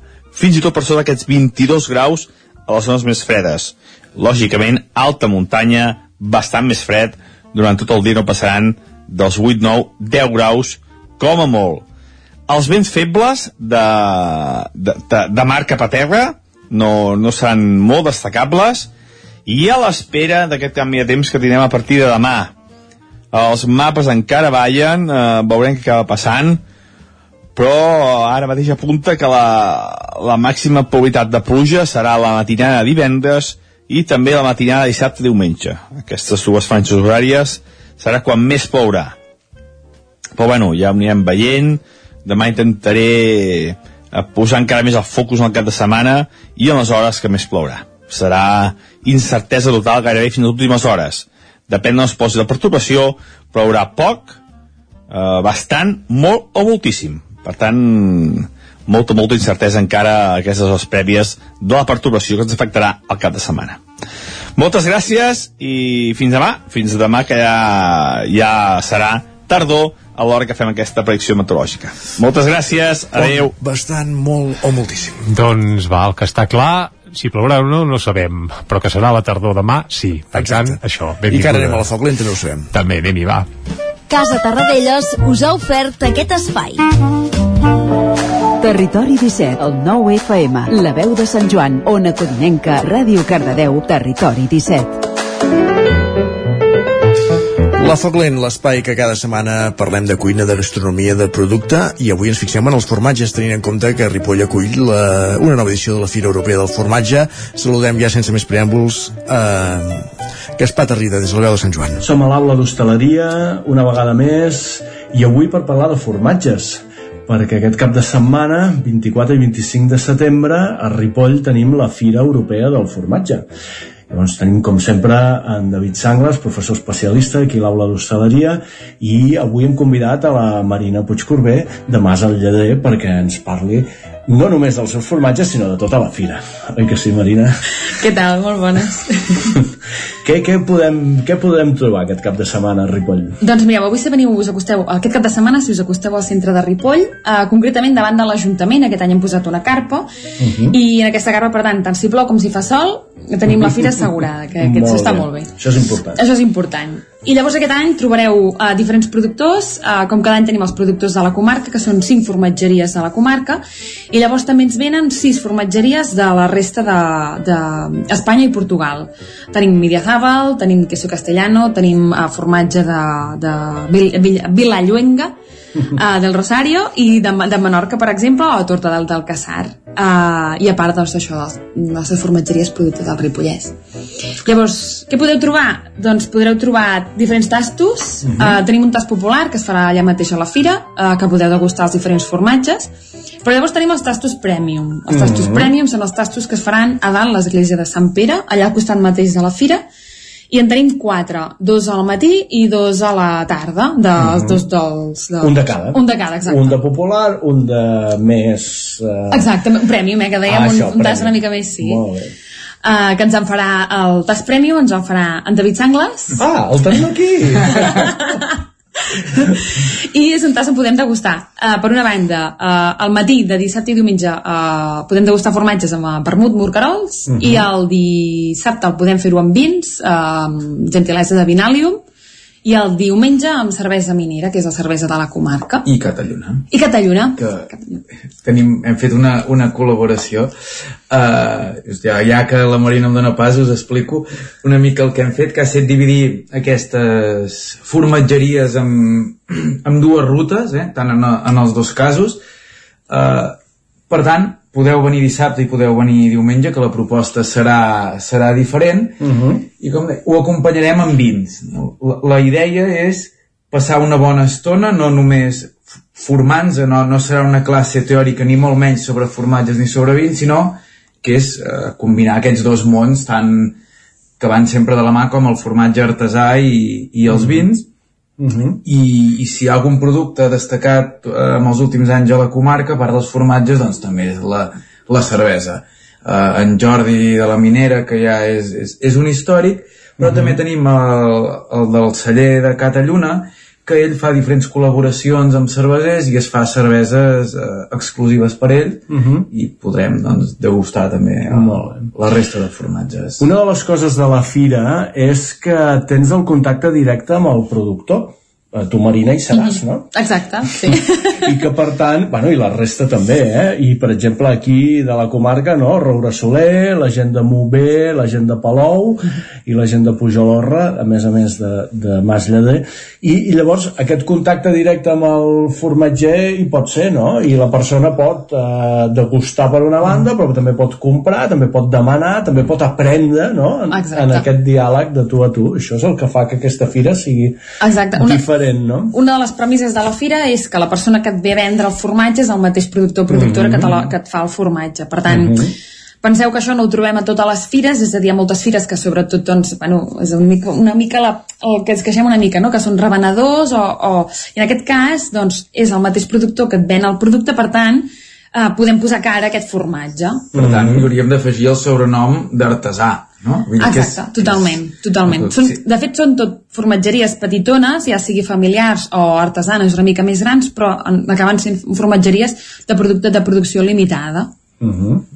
Això és un valor afegit molt important. I a, a part de les formatgeries de la comarca tenim aquells noms no, que tots ens sona que, eh, a nivell històric com pot ser Idiazaba, Torta del Casar, Maó, vull dir que dels de veritat, que, que, que, que, que això a vegades és, és el que passa, no? Tots, tots sabem que, la, eh, o aquí tots sabem, no?, que la Marina fa un formatge artesà, que Palafox fa un formatge, que tots, per, perquè els coneixem, però a vegades amb aquestes denominacions d'origen tan gran eh, es barregen pràctiques molt honestes i pràctiques que no ho són tant eh, com amb tants altres productes, no només amb el formatge. Per tant, eh, podreu tastar aquests, aquests formatges tan reconeguts i que a vegades hem tastat, però ar- artesans de, de veritat.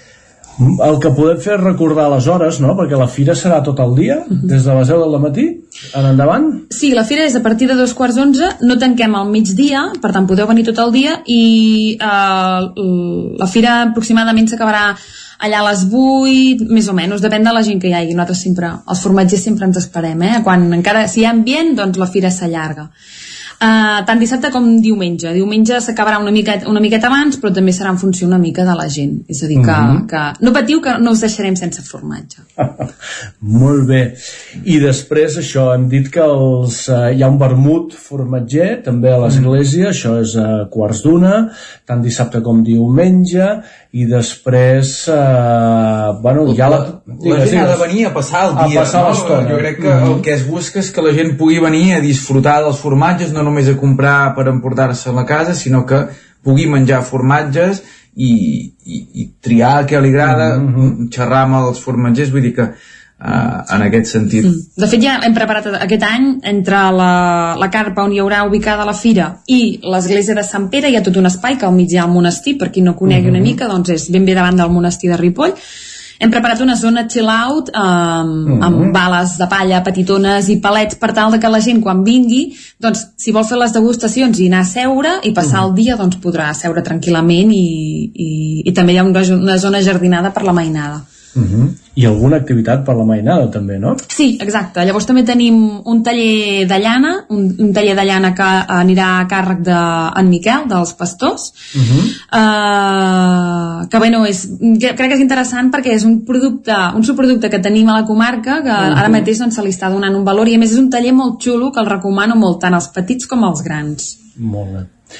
Molt bé, i una altra cosa que potser hem de dir és que, diguem-ne, els establiments de restauració de la ciutat de, del poble doncs eh, també sumen a la fira, no?, preparant una oferta especial per aquest cap de setmana, no? Cada any, diferents establiments de, la, de, de Ripoll el que fan és elaborar plats amb formatge, eh, amb formatges ja sigui del Ripollès o també aprofiten i agafen formatge de, de la resta de les formatgeries. Per tant, tots aquests amants del bon formatge crec que és una bona oportunitat per degustar formatge, però a més a més també per agafar idees, perquè a l'hora que compreu aquests formatges a la fira doncs els hi pugueu donar aquesta utilitat a la cuina, que crec que és molt interessant, no només per tallar el formatge i menjar-se'l, sinó que el formatge també és un ingredient Mhm. eh, molt interessant a l'hora de- d'elaborar plats.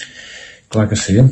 I, i abans, abans de que comencéssim a gravar l'entrevista, en David li preguntava a la Marina, li preguntava, escolta, i el formatge que portaràs, ja que ell ha de preparar la degustació, no?, premium, doncs com serà? Serà molt madurat o serà poc?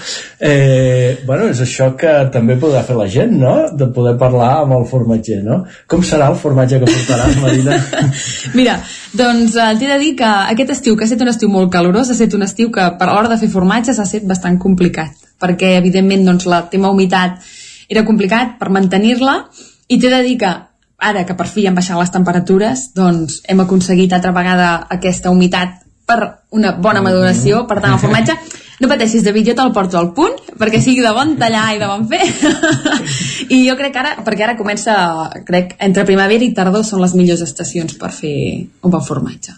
Perquè vosaltres sou de les poques formatgeries del país que identifiqueu els formatges de primavera. Exacte. Només de primavera feu? Uh, bé, de fet és que l'alimentació de les vaques varia. És a dir, no és, mm, encara que les vaques ara mateix també a la tardor tornin a pasturar, per fi, perquè ha plogut, uh, no és el mateix la, el tipus de pastura que hi ha ara a la tardor que el tipus de pastura que hi ha a la primavera. I a més a més, a l'estiu, per pena nostra aquest any, que ha estat també un estiu Mm. molt sec, han menjat molt ferratge. Per tant, hem tingut una llet bastant similar a l'hivern. Mm. És a dir, que la nostra llet no és la mateixa durant tot l'any. Per tant, els formatges que vinguin a provar ara no seran els mateixos que trobaran a l'hivern o a la primavera.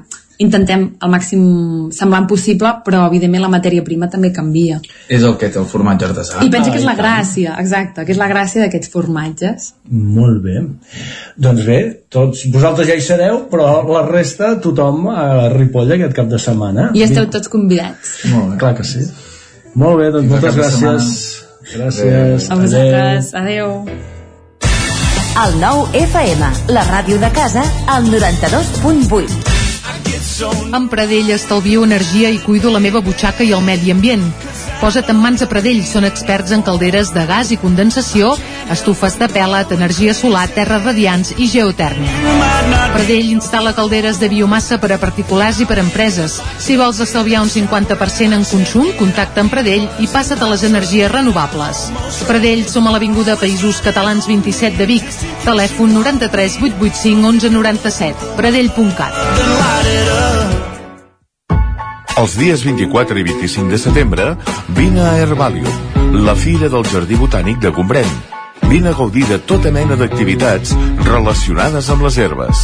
Tallers de creació de perfums, d'ungüents, begudes silvestres, xerrades, exposicions, viatges, cates, paradetes, espectacles i a la nit, concert i ball popular amb les canyetes de la foradada. Inscripcions i més informació de totes les activitats a la web jardibotànicgombrèn.cat. Centre Auditiu Aural. Som al carrer Jacint Verdaguer 17 de Vic. Telèfon 93 883 59 79. Aural Vic, el camí cap a la millor audició i el benestar. Cobertes serveis funeraris. Els nostres tanatoris estan ubicats en els nuclis urbans més poblats de la comarca d'Osona per oferir un millor servei. Tanatori de Vic, Tanatori de Manlleu, Tanatori de Centelles i Tanatori de Roda de Ter. Sabem que són moments difícils i per això el nostre compromís és atendre-us en tot moment amb un tracte humà, sensible i respectuós. Cobertes serveis funeraris. Telèfon 24 hores 93 883 23 46. Cocodril Club. Si t'agrada la bona música dels anys 60, 70 i 80, escolta el 9 FM als matins de dissabtes i diumenges d'11 a 1. És el temps del Cocodril Club, tot un clàssic de la ràdio, amb les bases del pop-rock, les llegendes, les cançons que s'han convertit en autèntics himnes. Recorda, dissabtes i diumenges al matí, d'11 a 1, al 9 FM 92.8. Cocodril Club, el programa revival de l'Albert Malla. Hasta luego, cocodrilo. La taverna d'en Sidoro. Fem esmorzars de forquilla, dinars, sopars i tenim una gran varietat de tapes i plats per escollir. Cuina oberta tot el dia. Tenim peix fresc de la llotja. No et perdis el nostre extraordinari pop. Vine a la nostra terrassa. La taverna d'en Sidoro. Som al carrer Pirineus 20 del polígon Mas Galí de Gurb.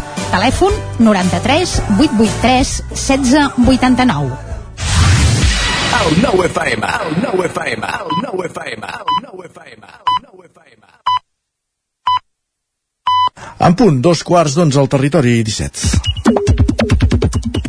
Doncs vinga, i avui ràpidament, perquè volem anar cap al cinema, saludem en Guillem Sánchez. Guillem, bon dia. Bon dia, Jordi, bon va, dia, Isaac. Ah, Fem bon via, dia. fem via, que les pel·lis són llargues. Doncs va, avui un nou capítol del debat sobre educació. En Martí ens escriu, Mhm. part important de del meu alumnat de segon i tercer d'ESO, 14 i 15 anys, no saben ni què és ni on és la península ibèrica. Home, però, però, però, i on són? On, on, on estan? On, on fan classes? Ara, Diu, o acceptem que no som Finlàndia i deixem de mitificar l'educació per projectes i de demonitzar classes magistrals o aquest sistema educatiu se'n va cap a la fallida. Això qui ho diu és un mestre? És un mestre de segon i tercer d'ESO. Doncs potser que els hi ensenyi, no? Ja, però bé, bé. No sé si és més forta aquesta o la que ens diu l'Oriol. Ah, que què diu l'Oriol? Aquesta setmana em vaig trobar amb alumnes de quart d'ESO que no saben ubicar en el temps l'edat mitjana, ni tampoc sabien que després venia l'edat moderna. la, contempora la contemporània la coneixes? La... Alguns eh, estan a l'edat de pedra, no? alguns encara, potser. Va, i l'Anna em sembla que no es va fixar gaire en el que feia abans d'anar a classe. Diu, dia 2 de màster i ja m'he colat a una classe que no és la meva per arribar tard i entrar directament i no mirar les aules. M'ha saludat el professor i estic a la segona fila. Dues hores aquí. Ajudeu-me, si plau. Bueno, potser aprendrà alguna cosa que no es pensava que, que podia aprendre, també, encara que no sigui del seu màster o de la seva, de Mira, la seva branca. si escolta la secció que estem fent, per exemple, pot aprendre que la península ibèrica és on en teoria hi ha el Principat de als Catalunya i els països catalans. Va, més coses. Doncs vinga, canviem de tema. L'Ocean té un dubte. Ens diu, la setmana que ve tornaré a viure a Catalunya després de 7 anys a fora. Què m'ha de fer més por? Bé, anar a Rússia i no tenir un avió per poder tornar, però en Per principi exemple. no crec que sigui el cas, no? Ai, diu, el mes de, de setembre és més d'activitat física. També llegim a la Marta que ens diu he vingut al gimnàs i he hagut de baixar tres vegades les escales fins al vestuari perquè m'havia deixat alguna cosa a cada viatge que feia. I fins aquí la meva sessió d'exercici físic del dia. Seguiu-me per més consells d'activitat física. Pujar escales és un molt bon exercici. Oh, i tant, i tant. Sí, sí, sí. I és molt barat, també. També. Sí, tant que, mira, pots anar fent i en teoria gratuït. Sí. Va, i una reflexió de la Paula que ens escriu ahir vaig anar al gimnàs, vaig fer una transfusió de sang i vaig conduir un tractor. Diu, suposo que és el meu equivalent a escriure un llibre, plantar un arbre i tenir un fill. Home, no seria ben bé el mateix, no. però si ella està contenta, doncs endavant. Ràpidament repassem L'última. digitals. Oh, Ah, última, va, digues, tenim 10 segons, Guillem. Va, molt ràpid, l'Andreu que ens diu tens una edat quan et vols agafar de la maneta de dalt de la porta del cotxe, no la trobes i estàs tot el trajecte incomodíssim. No entenc per què estan fent els cotxes sense aquesta maneta. Problemes del segle, del segle XXI. Doncs moltes gràcies, Guillem. Que vagi molt bé. Ah, I res, els, digiti els digitals simplement, simplement farem un cop d'ull al 99.cat que amb aquesta notícia que encetàvem al territori 17 d'avui a l'edició d'Osona i el Ripollès i trobem que els Mossos detenen un home per la mort d'una noia a Camp de Bànol. Ho deixem Doncs aquí. de, dit això, anem cap al cinema. Territori 17. El cinema que fem eh, i ens hi acompanyen cada setmana en, Gerard, en Joan Garcia i en Gerard Fosses des de la veu de Sant Joan.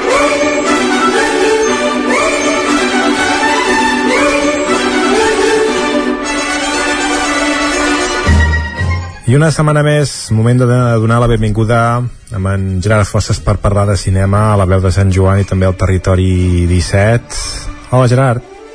Hola, què tal? Això de, de territori 17, té 17, així um, pensant en cinema té, té molt de rotllo aquesta d'àrea, no sé què, àrea, com en deien? Sí, exacte. Aquella Ah, àrea... bueno, La, la C-17 també és una mica de terror, eh, a vegades. Sí, sí, sí, sí, sí, sí, de fet sí. I, i, el, i la R3 també.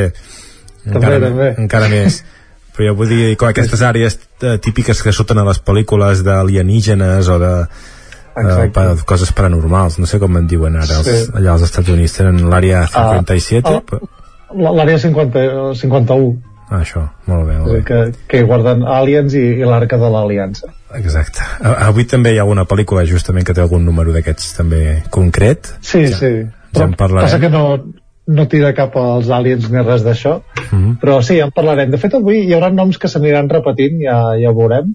Mhm. Uh, però bé, començarem amb la primera pel·lícula, que va ser una mica una de les grans protagonistes de l'últim Festival de Venècia, uh, que va ser ara fa un parell de setmanes, justament per tot el que es va generar al voltant de la pel·lícula. Tot aquest salseo entre piques entre la directora, els actors, sí, sí, aquells que, que, no es, que no es podien parir entre ells. aquell que es va aquesta escopir, es van setmana- escopir o representa que presumptament es va, va escopir un a l'altre davant de les càmeres i tot, no? Sí, efectivament, entre Harry Styles i, i el Chris Pine em sembla que era.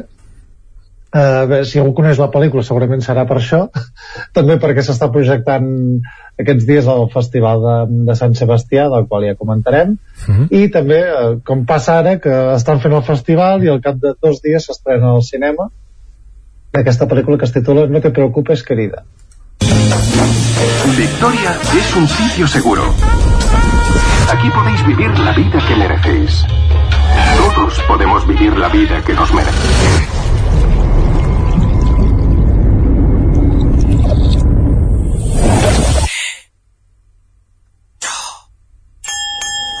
Frank ha construido algo verdaderamente especial. Lo que ha creado es totalmente diferente, superior. Vivo en la casa de al lado, ni te imaginas lo que oigo. Jack y Alice solo tienen tiempo el uno para el otro. ¿Cuál es el enemigo del progreso? El caos. Sí. Uf, odio esa palabra. Caos. Molt bé, explica'ns, eh? com una mena de d'una illa de cases, no? Com una mena d'urbanització així de gent molt guapa i que molt rica i molt, que li va molt bé les coses, no? Exacte. Ens situem a aquest Estats Units dels anys 50, on tot era molt idealitzat, també a través de la imatge de, de la publicitat, sobretot, i la- l'aparença era especialment important, eh, i els rols també molt definits, no? De, de l'home treballador en oficines, la vida als suburbis, uh, la dona com a gran ama de casa i molt activa dintre la seva comunitat, no? Um, bé, tots aquests eh, rols establerts doncs, els agafa la directora, en aquest cas Olivia Wilde. Oli- Olivia Wilde, que per cert és, és actriu, i segurament molt coneguda per la sèrie House, on feia de, de 13, i que temps va saltar a la direcció amb una comèdia d'adolescents que es deia Booksmart, que a mi m'agradava molt, que es deia Superempollones, i ara amb aquesta història que té un tint de terror, que comença amb aquesta normalitat d'una època, d'un retrat molt concret, i comença a projectar-hi ombres, no? gairebé, que buscar-hi aquest que, que, costat revers, no? a través del cinema fantàstic, doncs té aquesta possibilitat d'anar des, desfilant codis per parlar sobretot de, en aquest cas del rol de la dona en la societat de llavors i d'ara no? és una mena de, de distopia amb caràcter feminista on tracta molts temes sobre el rol de la dona sobre eh, temes com el dolor, el plaer també. I, i és molt interessant a més sobretot el, el paper de la protagonista que és Florence Pugh que és una, una actriu ja en auge des de fa bastant temps. I el, el millor de tot és que és una pel·lícula d'aquestes que genera com opinions molt contraposades. Uns que parlen de fracàs absolut altres que parlen d'una grandíssima pel·lícula. Um, per tant és qüestió d'anar a comprovar Mm -hmm. Um, I tot aquest merder que hi ha, tu creus que és cert, el dels actors i les actrius i tot això? Que, que hi ha mal rotllo segur perquè es nota en l'ambient i a més a més la protagonista que no, no ha volgut fer res de la campanya promocional de, de la pel·lícula i tal. No sé com es trasllada això dins de, de la pantalla perquè és una pel·lícula que, que no he pogut veure. Um, i òbviament segur que hi haurà mm, diguem que alguna mancança però tot i això el plantejament em sembla molt interessant el trailer també és molt, és molt prometedor i si sap sortir una mica dels marges de, de la història que podem tenir al cap o, de, o dels clitxes que podem tenir al cap doncs realment estic segur que estarem davant d'una bona pel·lícula com a mínim Mm, molt bé. Doncs la primera estrena de la setmana, aquesta es pot veure tot arreu? Sí, aquesta es pot veure tant al cinema Sucre de Vic com al cine de, de Granollers. Mm, dic a tot arreu, com em refereixo a aquests dos en concret, sí, eh? A, a, a la gran quantitat de multicinemes que tenim en aquesta àrea 51 nostra. Molt bé. Perfecte, la següent. Anem per la següent, que també es pot veure aquests dies al Festival de Sant Sebastià. Uh, ja veieu com s'està acaparant tot. Uh, és la nova pel·lícula d'Alberto Rodríguez, que és director de, de la Isla Mínima i de l'Hombre de les Mil Cares, uh, pel·lícules molt taquilleres, molt premiades entre la indústria espanyola, i que en aquest cas ve amb, una, amb un drama carcelari, també basat en, en fets reals, que es titula Modelo 77. Te acostumbras a la idea de que nunca más saldrás de aquí. Hasta que un día de repente pasa algo que te recuerda quién eras. Yo no soy un delincuente. No pueden caerme seis años por eso, no tiene sentido. Esta es mi celda y aquí se hace lo que yo digo. ¿Tú por qué estás aquí? Eso no se pregunta. Tarde o temprano vas a estar igual que yo. Mira, acércate. Usted no es como ellos. Estamos en una democracia. Hemos formado la coordinadora de presos en lucha. Molt bé, inspirada en fets reals, explica'ns de què tracta.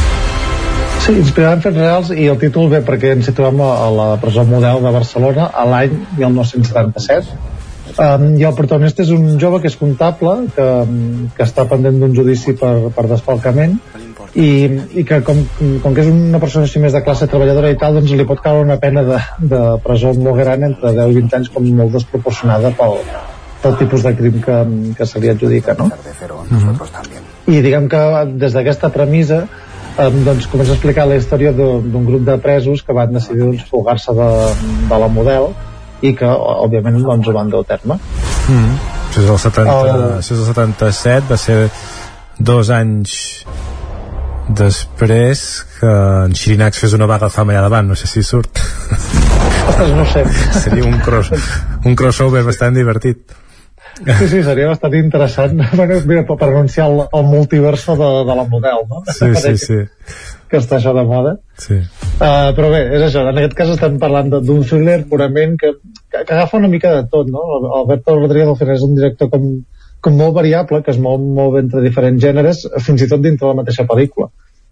La base és el thriller, però també és un drama, uh, és una pel·lícula de caràcter polític, um, tira a vegades també, sobretot una part cap al cinema d'aventures, i sí que és veritat que segurament no és la seva pel·lícula més, més rodona o més cohesionada o fins i tot més, més tonal no? en el sentit de mantenir el mateix to durant tota la pel·lícula. Uh, però sí que és uh, això un film molt interessant de veure. A més a més el fet que estigui basat en fets reals i hi hagi una denúncia de, de, de, de certs abusos judicials que, que a més avui encara estan de moda per motius diferents però que també està bé recordar, no? analitzar la, això, en aquest cas l'Espanya del present a través de l'Espanya del passat Mm -hmm. i bé, tot això és el que ens ofereix aquest cineasta que, que ha demostrat que és dels millors directors en actiu ara mateix dintre del cinema espanyol, per tant a gaudir-lo Mm. Molt bé. A mi em patina una miqueta el protagonista, el Miguel Herrán. ja, no sé, a mi no, no eh, m'agrada gaire tampoc Sí, conegut per la Casa de Paper, però fa aquest paper tan de bo que sembla... I a més a més, justament està en una presó, en un lloc tancat i amb violència, vull dir que t'hi fa pensar tant en, amb la Casa de Paper que no, no entenc com és que no, no hi pensen en aquestes coses a vegades, o potser és que els interessa, potser just el contrari. Sí, o pot, potser simplement que han fet el càsting i funciona bé. A més, mm. ja que és més protagonista el Javier Gutiérrez, Mm. que aquest sí que és habitual de, de les pel·lícules d'Alberto Rodríguez i aquest sí que és un actor molt, molt contundent també per molt. Mm. Molt bé, anem per la, per la última, que potser és la més interessant, o no? Per, per, per, abans, Ah. perdó, aquesta es pot veure a, també al Sucre i als Ocine. Sí, exacte, aquesta també la tenim a tot arreu com a gran estrena de la setmana. I la següent, que per mi és la més interessant, eh, ja vam avançar una mica la setmana passada que segurament estaríem al terreny de l'arqueologia i, efectivament, eh, com a mínim nosaltres no, no tenim a cap cinema proper, Mm. i estem parlant de la nova pel·lícula d'un gran, bàsicament, de David Cronenberg, eh, que, bueno, són paraules majúscules, i eh, el seu cinema, pel que sigui, doncs, no, no està interessant molt des de fa ja uns quants anys.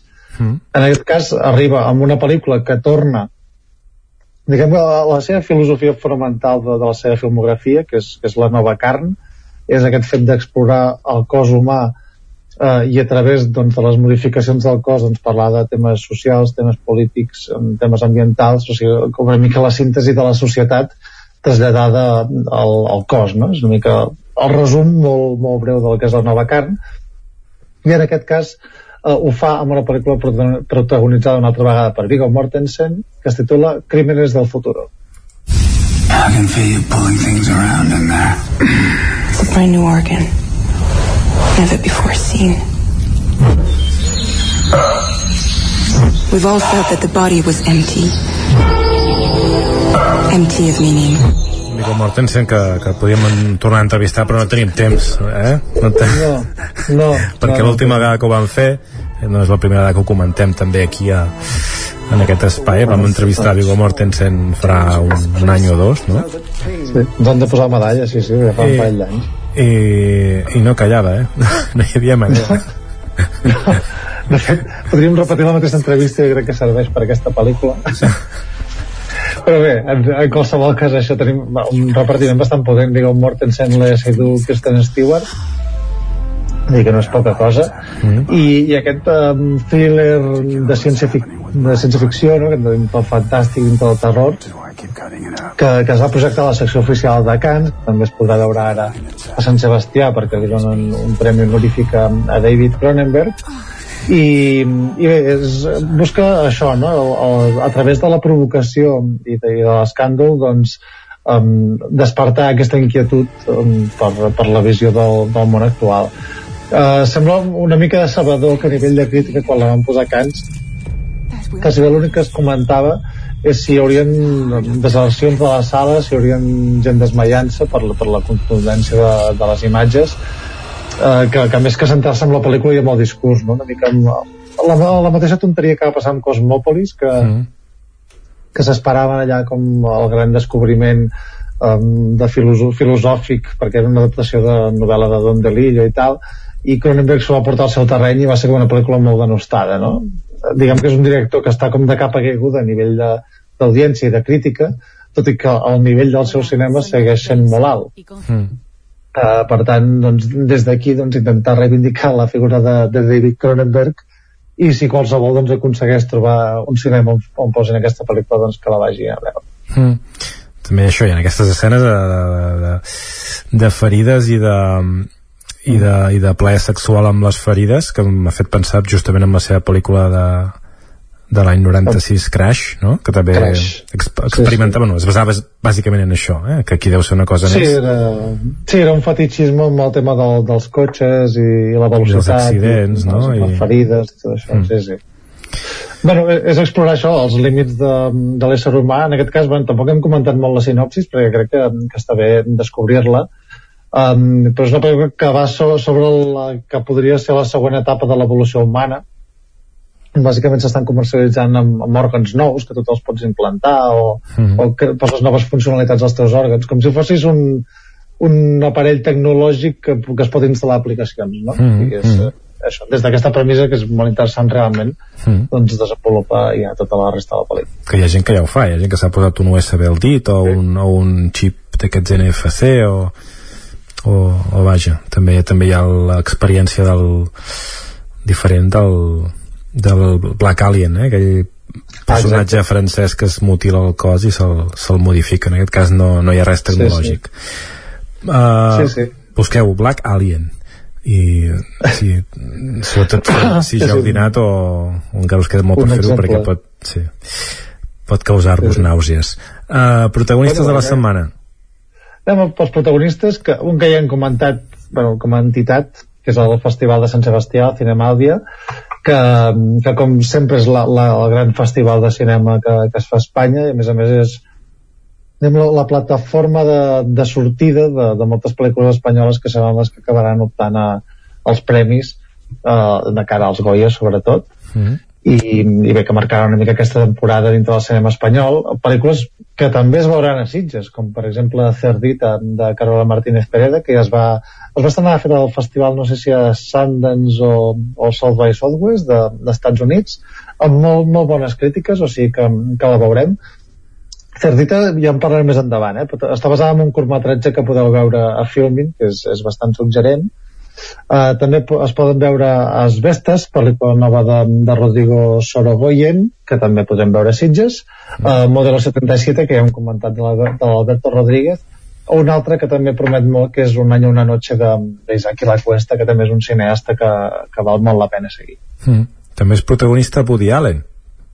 Sí, Woody Allen, que en una entrevista doncs, va, va com deixar intuir que potser es retiraria del cinema. Uh, res garantit, o sigui, s'ha fet molt rebombori amb això, però que ara està rodant una pel·lícula a França, en francès, justament. Uh, diu que mola l'estil de Match Point, que haurem de veure si, si és veritat, i, i és la pel·lícula número 50 i el que va dir Woody Allen és que 50 li semblava un bon número per, per retirar-se del cinema. I que a més a més a ell li interessa doncs ara molt posar-se a escriure. Ha escrit algun llibre de contes o l'ha de publicar ara vol escriure una novel·la eh, vull dir que no sé si serà l'última pel·lícula de Woody Allen però sí que segurament veurem cada cop eh, pel·lícules seves menys sovint. Eh, també té 87 anys mm. els rodatges són durs. Ja fa un temps que ha deixat de fer una pel·lícula per any com estàvem acostumats. O sigui que, que ja ho veurem. És una notícia a mitges per dir mm -hmm. molt bé.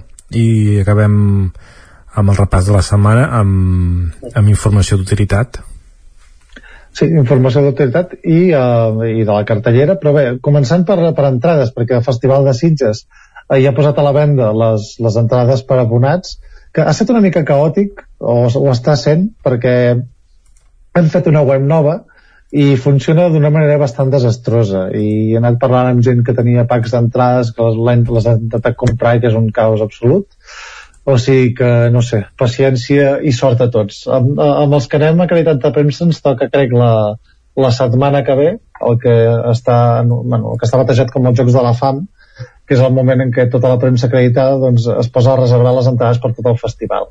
Mm. I ho has de fer abans de que s'esgotin i no saps quin és el cupo ni res i, i és un, bueno, un, un descalabro total no sé quina és la, la paraula correcta en català per descalabro però, però bé, ens toca la setmana que ve si vols ja ho comentarem. Vale, perfecte. I ara sí, el repàs de, de la cartellera el cinema Comtal de Ripoll Viaje al Paradiso, al Paraíso i After, Amor Infinito.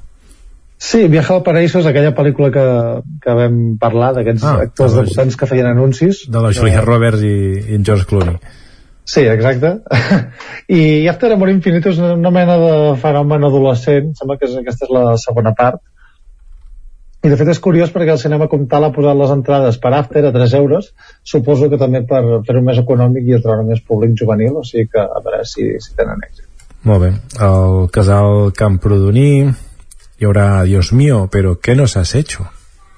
Sí, aquesta és una pel·lícula del gènere comèdia francesa de l'any i un milió d'espectadors en França Uh, de fet, això és una, una franquícia que ja van per la tercera part. Um, no n'he vist cap, per tant no, no sé dir-ne gaire res, per tant, si no heu vist les altres dues, potser no val la pena anar-hi. Si heu vist les altres dues, si us van agradar, doncs cap a Camprodon. Mm.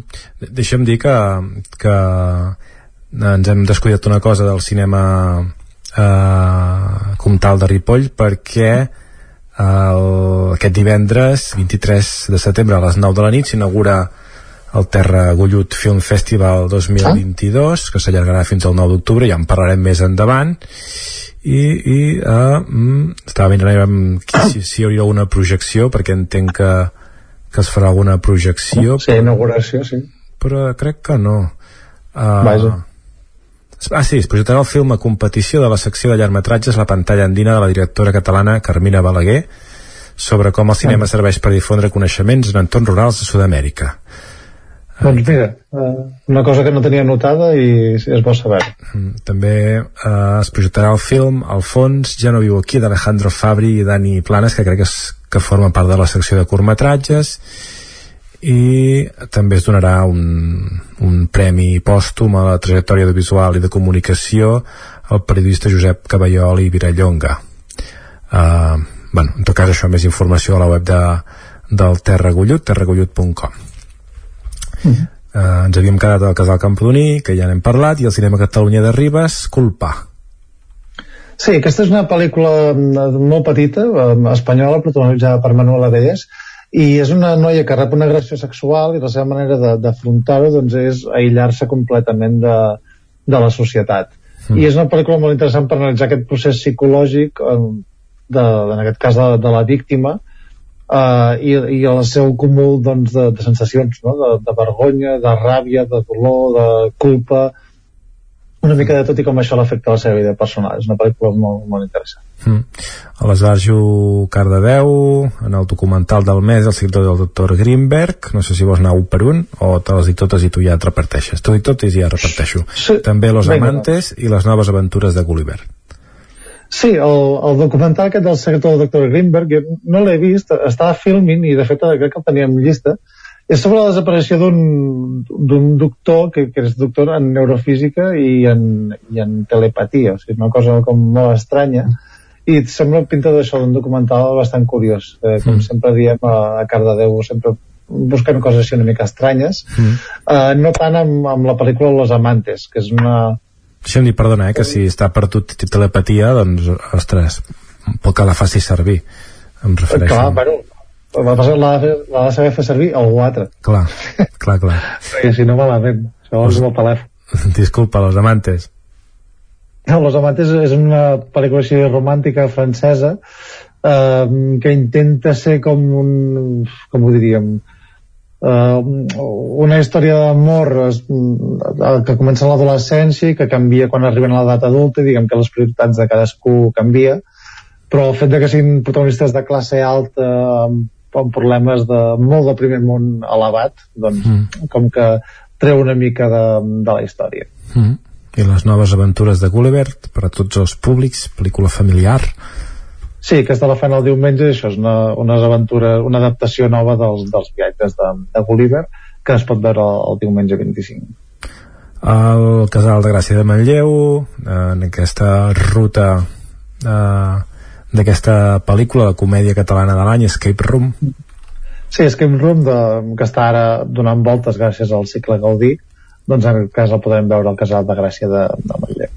Vale. I el Cineclub de Vic, ja intentaré pronunciar-ho bé, seis, seis printemps, una cosa així. Exacte, sí, jo tampoc pronuncio bé el francès, però bé, són 16 primaveres. Què, què vols dir tu tampoc? Que no ho he fet bé? Sí, sí, no. bueno, tampoc ho sé jutjar. Per tant bueno, seise printemps jo, exacte.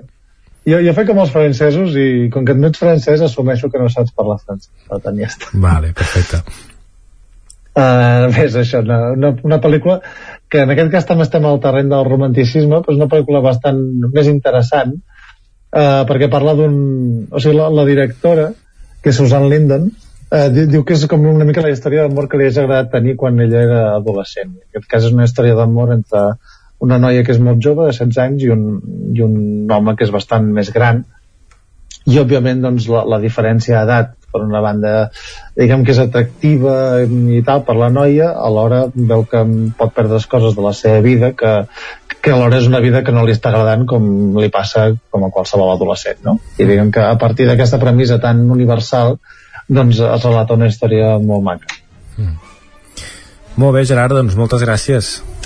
Molt bé, gràcies a vosaltres. I ens escoltem la setmana vinent. Molt bé, fins la setmana que ve amb més novetats. Adéu-siau. Adéu.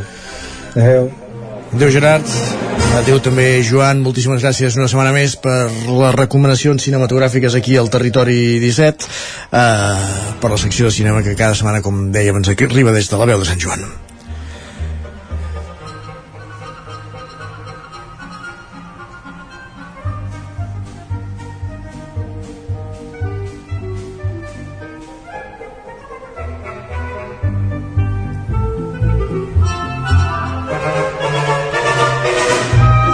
I amb el cinema arribem a la recta final d'aquest territori 17 d'avui dijous 22 de setembre de l'any 2022 un dia que començàvem amb la malaurada notícia de la mort ahir d'una noia a Can de Bànol en, en el que és un nou cas en el que tot apunta que és un nou cas de violència masclista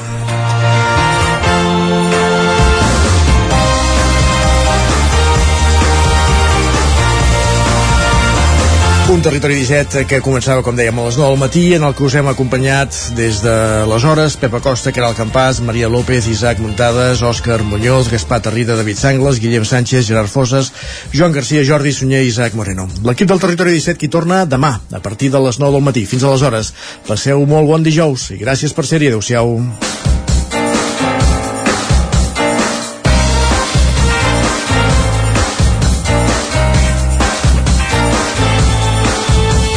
Territori 17, un magazín del nou FM. La veu de Sant Joan, Ona Codinenca i Ràdio Cardedeu amb el suport de la xarxa.